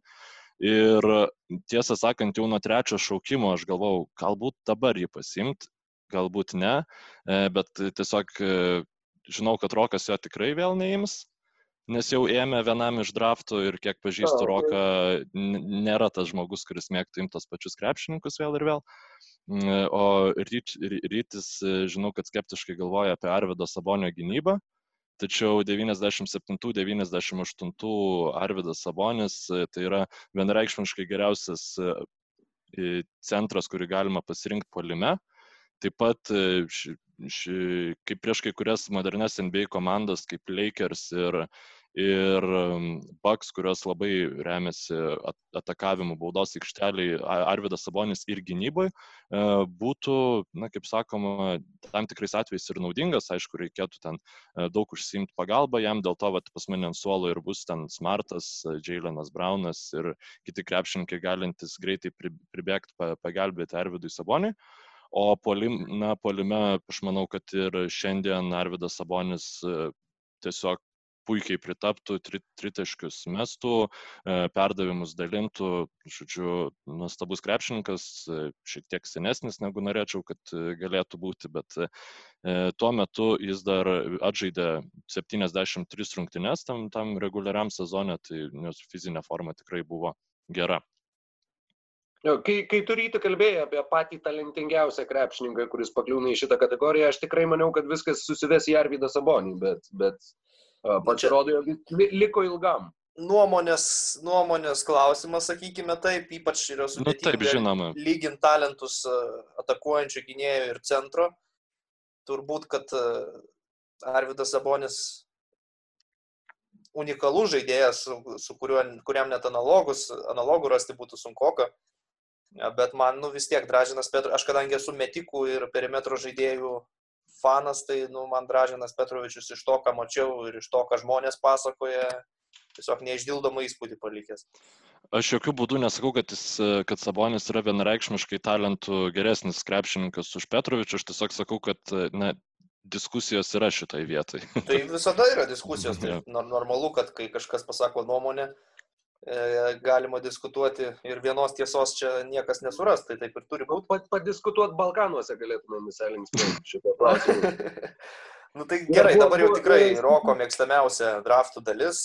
Jo, mėgstamiausia drafto dalis dar prieš tai e, vieną tik tai trumpą istoriją. Iki teko būti Serbijoje, praleidau ten savaitę, galbūt porą savaičių ir kažkada atėjus nusipirkti ten kažko šiaip kioskė, kur sėdėjo toks e, senyvas vyras, jisai klausėsi, kaip mes šnekam ir jisai Rusija ir aš sakiau, ne, ne, Litva. Jis sakė, o, Litva, ir mes kažkokiu tai būdu, aš neatsimenu tik tai, kas tiksliai sutrigerino, bet mes pradėjom vardinti, uh, kur jisai sakė Divats, aš sakiau Sabonis, jisai sakė Bodiroga, aš sakiau Jasikevičius ir taip toliau, ir taip toliau, ir kur po gal kokių penkių, šešių krepšininkų jisai sakė, o, ir atsidarė stalčių, išsitraukė kalendorių, parodė man kalendorių ir sakė, o, Novak Djokovic. A? Toje vietoje aš supratau, kad čia jau, čia, čia dėja ta diskusija ir baigėsi. Ir... Gerai, kad futbolininkų ja, dar nepriejo, nes... Vidičiaus nepasakė. Nu, jo, būtumėt futbolininkus prieėję, tai būtum iš visų triuškintas ten. Jo, čia irgi, čia irgi tikrai. Tink, apskritai bet kokio kito sporto apart krepšinio būtų sunku palaikyti komandinį. Ir dviračių. Al, Alekna, Alekna parodai. Tai kas pas tave rokai 11? Mano 11 laukimas, pirmas suvenyras E, jį renkuosi tam, kad turėčiau e, galimybę, jeigu, jeigu tokia situacija susidarytų rungtynių metu, kad turėčiau krepšingą, kuris galėtų baudos aikštelėje tiesiog savo ūgių ir jėga versti taškus, kadangi tokio, tokio tipožo vidurio polėjo savo sudėtyje dar neturiu. Tai aš paimsiu 2008-2009 metų, tuomet 24 metų amžiaus, po 23 taškus ir 11 kamuolių rinkusi, bet visų žvaigždžių rungtynėse nežaidusi Ella Jeffersoną iš Minnesotos Timberwolves. Būtent tam, kad būtų tiesiog žaidybiniam planui, jeigu, pavyzdžiui, kažkas iš jūsų nuspręstų žaisti labai žemų penketų, kad aš turėčiau ką įmesti ir kaip bausti jūsų, jūsų tuos žemus penketukus. Uh, rokai, o kodėl ne 13-14 sezono, šiaip įdomumo dėlį, kai jis papuolė į tą All NBA komandą? A, Nes čia yra vienas iš keturių krepšininkų. Nieko nežinau, jis žaidė Timberwolves. Aš norėjau, kad jisai su Timberwolves apranga būtų mano, mano sudėtyje. Mhm. Geras argumentas. Ačiū. Įtikinai. Neturiu ką pridėti iš tikrųjų. Um, aš pats uh, pagalvojau apie savo Bibi Petrovičių, Rediką ir Staudmajerą. Ir... Dabar supratau, kodėl juokingai tai skambėjo. Noriu. Uh, Jo, ir... ir... Atsiprašau, lab, labai brandus juokas, aš suprantu, bet... Lietuvių kalba yra fantastiška. Epic, epic. Taip, tai... Geriausia kol kas akimirka per, per šitos tris draftus. Per tris mėnesius mano čia. Žodžiu, man reikia atletiško kombo gynėjo, kuris, na, iš esmės gal net ir šio laikinėme krepšinėje nustumtų Daimoną Staudmajerą į 11 ar 12 vietą rotacijoje ir labiau jam būtų duotos minutės antroji, pirmoji pozicijoje. Uh, tai, vad sakau, man reikia labiau atletiško, labiau galinčio apsiginti tokio kombo gynėjo pirmos, antros pozicijos ir sugalvojau žmogų, kuris 2004-2005 sezone pateko į NBA gynybos pirmą komandą ir buvo lyderis lygoje pagal perimtus kamolius taip pat. Nu ir šiaip statistika ketvirtų, penktų sezono skamba va taip. 22 taškai, 6,3 atkovoto kamolio, 4,7 rezultatyvaus perdavimo ir 3 perimti kamoliai. Akmuo į daržą už šį sezoną yra 28 procentų tritaškių taiklumas, kas aišku nėra gerai, bet tebūnie mano komandoje metikų ir taip užtenka. Tai yra Larry Hughesas, Mm. 2004-2005 sezonų, kaip, kaip pirmos, antros pozicijos žaidėjas, 1,96 cm, kompensuotų nu, tai, ko... Tuo metu jisai Wizards buvo, ja? Tuo metu buvo Wizards, tuo metu žaisdavo ja, atakuojančių gynėjų, paskui Lebrono komandoje Cleveland'e būdavo ir žaidėjų bandomas. Tai sakau, jis man kompensuotų galbūt tos trūkumus, kurių tikrai yra žiūrint į Staubmairą ir, ir Maiką Bibi. Um, tai va, daugiau kažką apie jį gal ir pasakyti sudėtinga. Karjera tokia vidutiniška, labai daug traumų turėjo, atrodė daug žadantis talentas, atėjo į lygą 8 šaukimų 98 metais, žaidė visų pirma su Alenu Iversonu Filadelfijai, o po to lyg ir tobulėjo, bet traumos taip kirto, kad net nerandu, kad jis būtų sužaidęs pilną reguliarų sezoną. Didžiausias skaičius rungtynių, kiek jis per sezoną sužaidė, buvo 73. Tai labai traumingas žaidėjas, bet rezervė, man atrodo, jis man tikrai nepamaišys. Vėl vienas iš NBA Live irgi mm, lab, dievukų tokių labai smagu buvo žaisti su Cavaliers, kai jis ten šalia Lebrono e, malėsi, e, bet šiaip e, na, tikrai atrodė, kad bus geresnis e, negu buvo, tačiau tas ypač sezonas, kurį tu pasakėjai, tai kažkaip visiškai nepagalvojau apie jį. Galbūt būtų kažkur pas mane komandai ir atsiradęs. O, jisai beje yra e, Larry Hughesas yra krikštatėvis e, Jasono Teitumo. Vis, o visai to ieškojau, bet radau. Rodas, Rodas Triklandas yra Kairi Irvingo, Kairi Irvingo krikštatėvis. Tai, turim po krikštatėvį komandoje, bus, bus uh, dabar itališkas mūšis. Yra krepšininkas, uh, kurį aš labai bijau, kad Rytis Pasimskis pradėjo vardinti Tonį Kukočą, dėl to, kad pasakė e, labai panašus į Lamaro Aldomą. Dabar suprantu, kad tas e, krepšininkas, kurį aš, apie kurį aš kalbu, jis visiškai nėra panašus į Lamaro Aldomą, bet aš manau, kad jis šio laikiniai lygoje būtų sužydėjęs ne tik karjeros pabaigoje, nes karjeros pabaigoje jis atsiskleidė, nes pagaliau pateko pas gerą trenerį ir žaidė geroj komandai, kuri padėjo laimėti žiedus. Tačiau jis įsivaizduojamas kaip nu, labai netletiškas krepšininkas, dėl to aš noriu apginti savo šaukimą ir tiesiog perskaitau apie tai, e, apie Davido Griffino žodžius, kuris pasakoja apie šį krepšininką ankstesniais karjeros metais.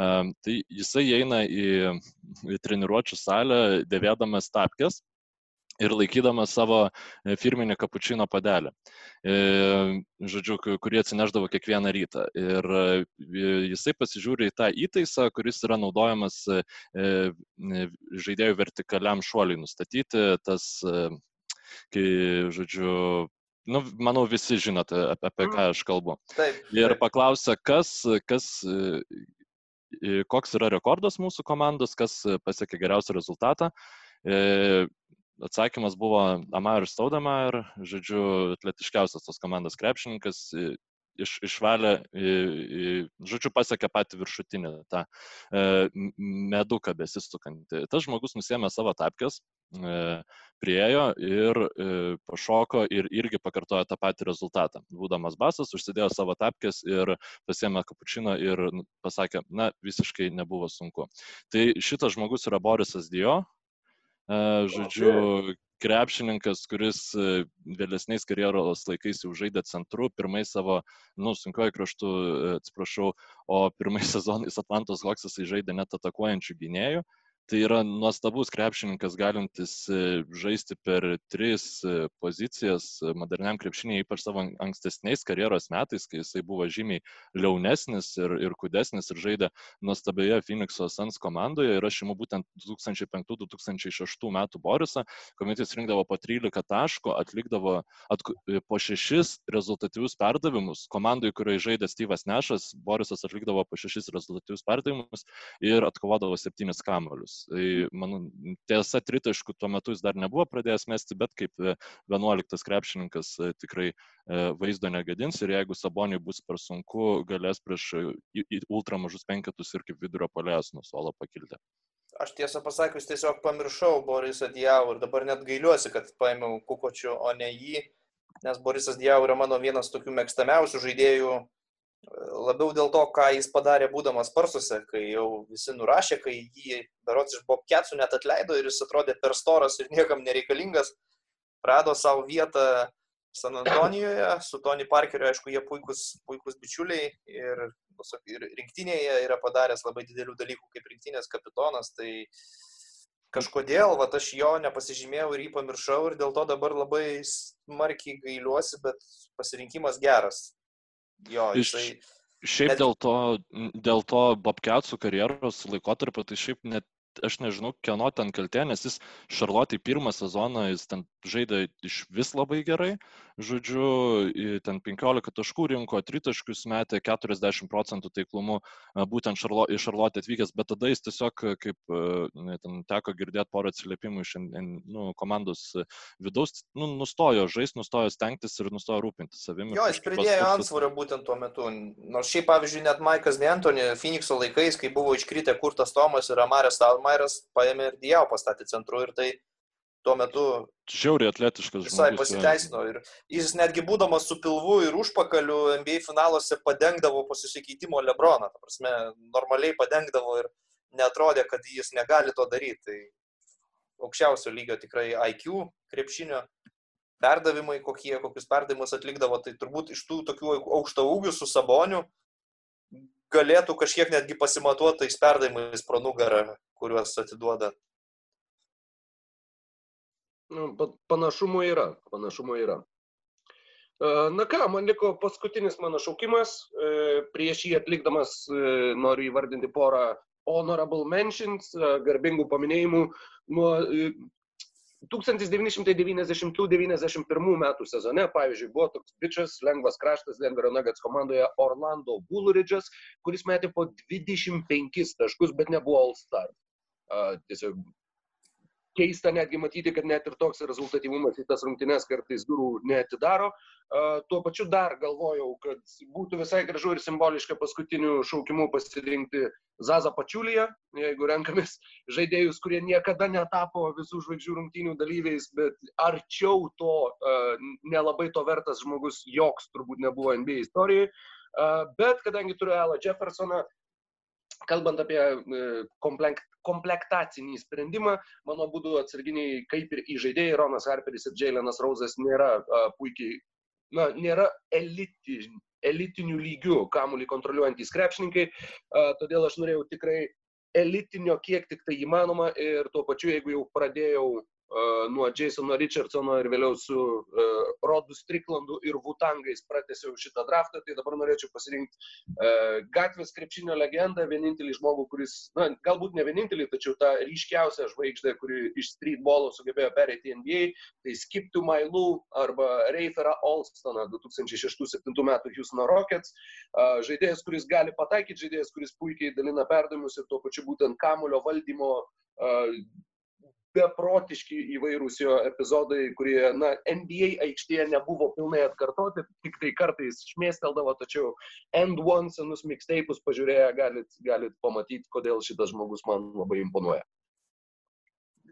Aš irgi tą jo gatvės krepšinio istoriją labai panagrinėjau tuo metu, kai jisai žaidė, nes ir Orlandė, ir Houstonė atrodė pakankamai solidžiai, nors tu jį stebėdamas matydavai, kad jis žaidžia savo krepšinį. Tai yra ne visai profesionalų krepšinį, o būtent tą savo gatvės krepšinį. Ir jie du tokie pionieriai turbūt yra su Jasonu Williamsu, baltuoju šokoladu.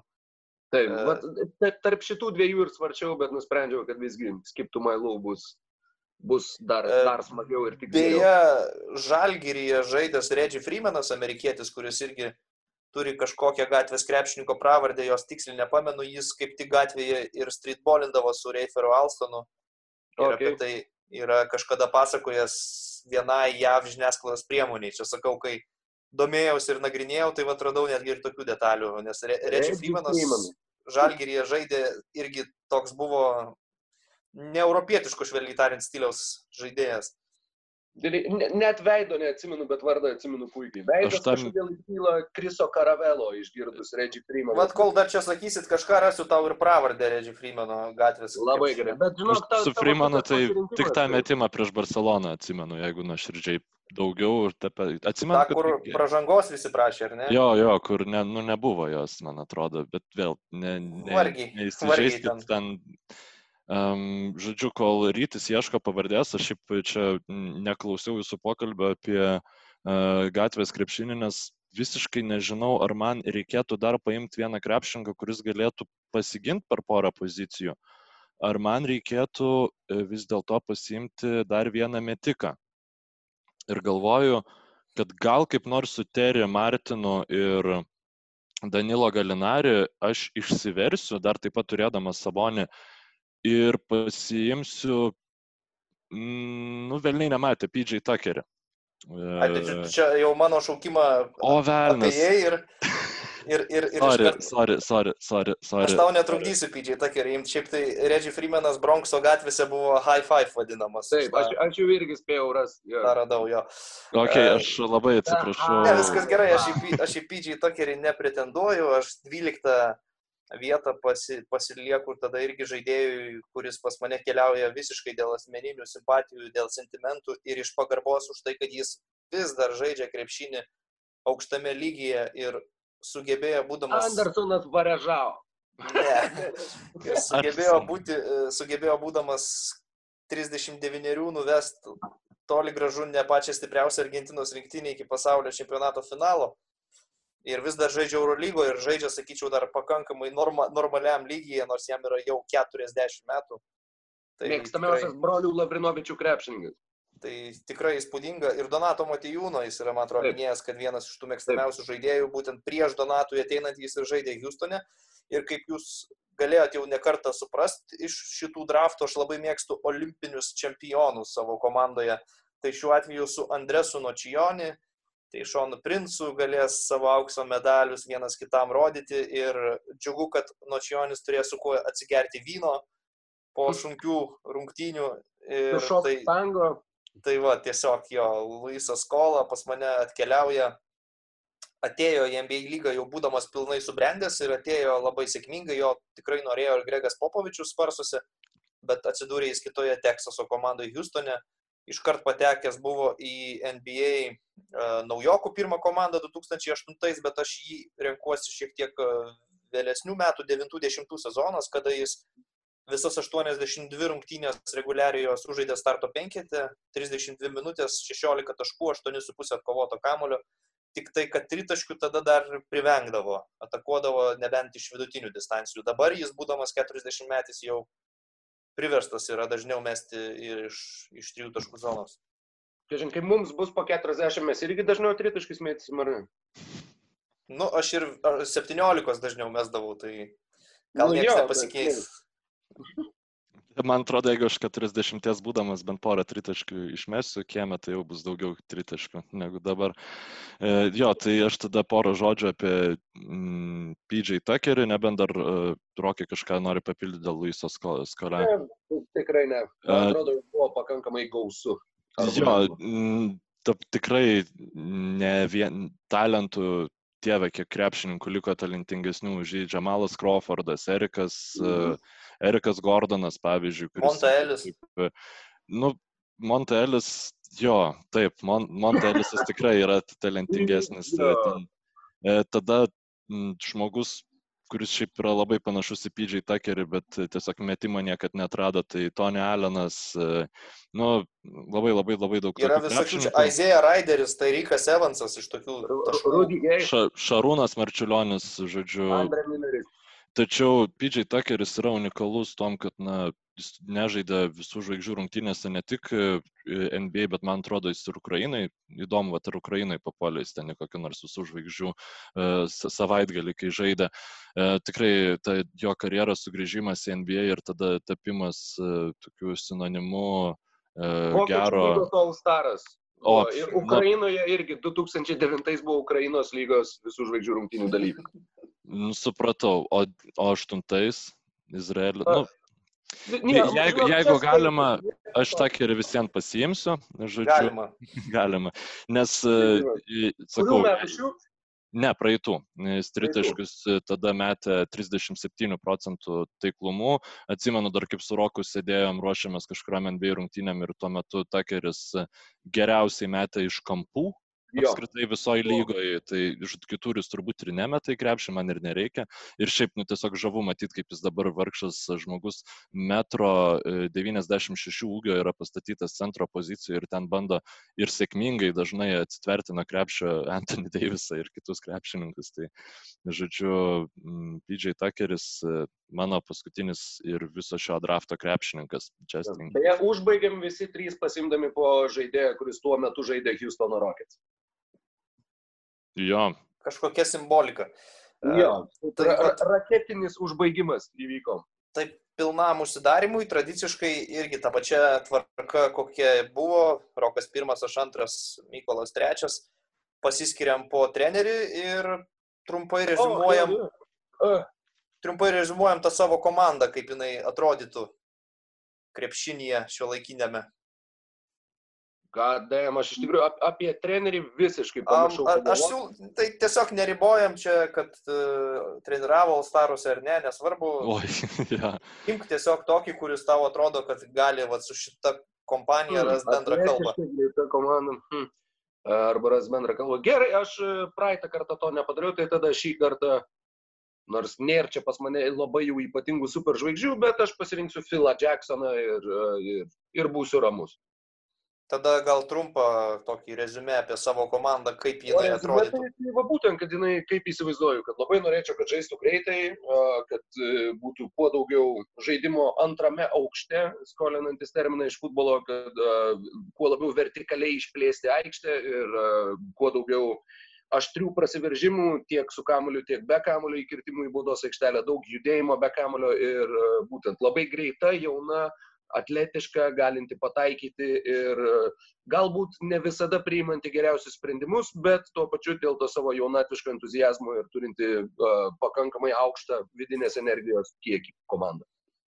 Mm, gerai, mano tai kaip tik turbūt atvirkščiai atletiškumo stoka ir būtų pagrindinis trūkumas. Be trūkumų komandą susirinkti šitų žaidėjų turbūt nebuvo įmanoma ir reikėjo rinktis tiesiog, kur tu nori daugiau pranašumų ir talento, o kur turėsi pri, priimti tam tikrus trūkumus. Tai mano komandoje akivaizdžiai atletiškumo stoka yra, egzistuoja, kai kurie žaidėjai ją sumažina, bet turbūt, kad būtų problemų dėl, dėl to, ypač gynyboje, nes matau žaidėjų, kuriuos, aišku, varžovai neišvengiamai stipriai atakuotų, bet pliusai mano šitos komandos būtų labai aukštas IQ surinktų žaidėjų, krepšinio IQ, pakankamai daug talento puolime, per akis sočiai užtenka metikų žaidėjų, kurie pataiko ir manau, kad paėmiau E, centrus, kurie nuostabiai saugo baudos aikštelę, susirenka atšokusius kamolius ir tai aišku būtų man didelis pliusas, kai mano mažiukus perimetre apeitų prasiveržimais.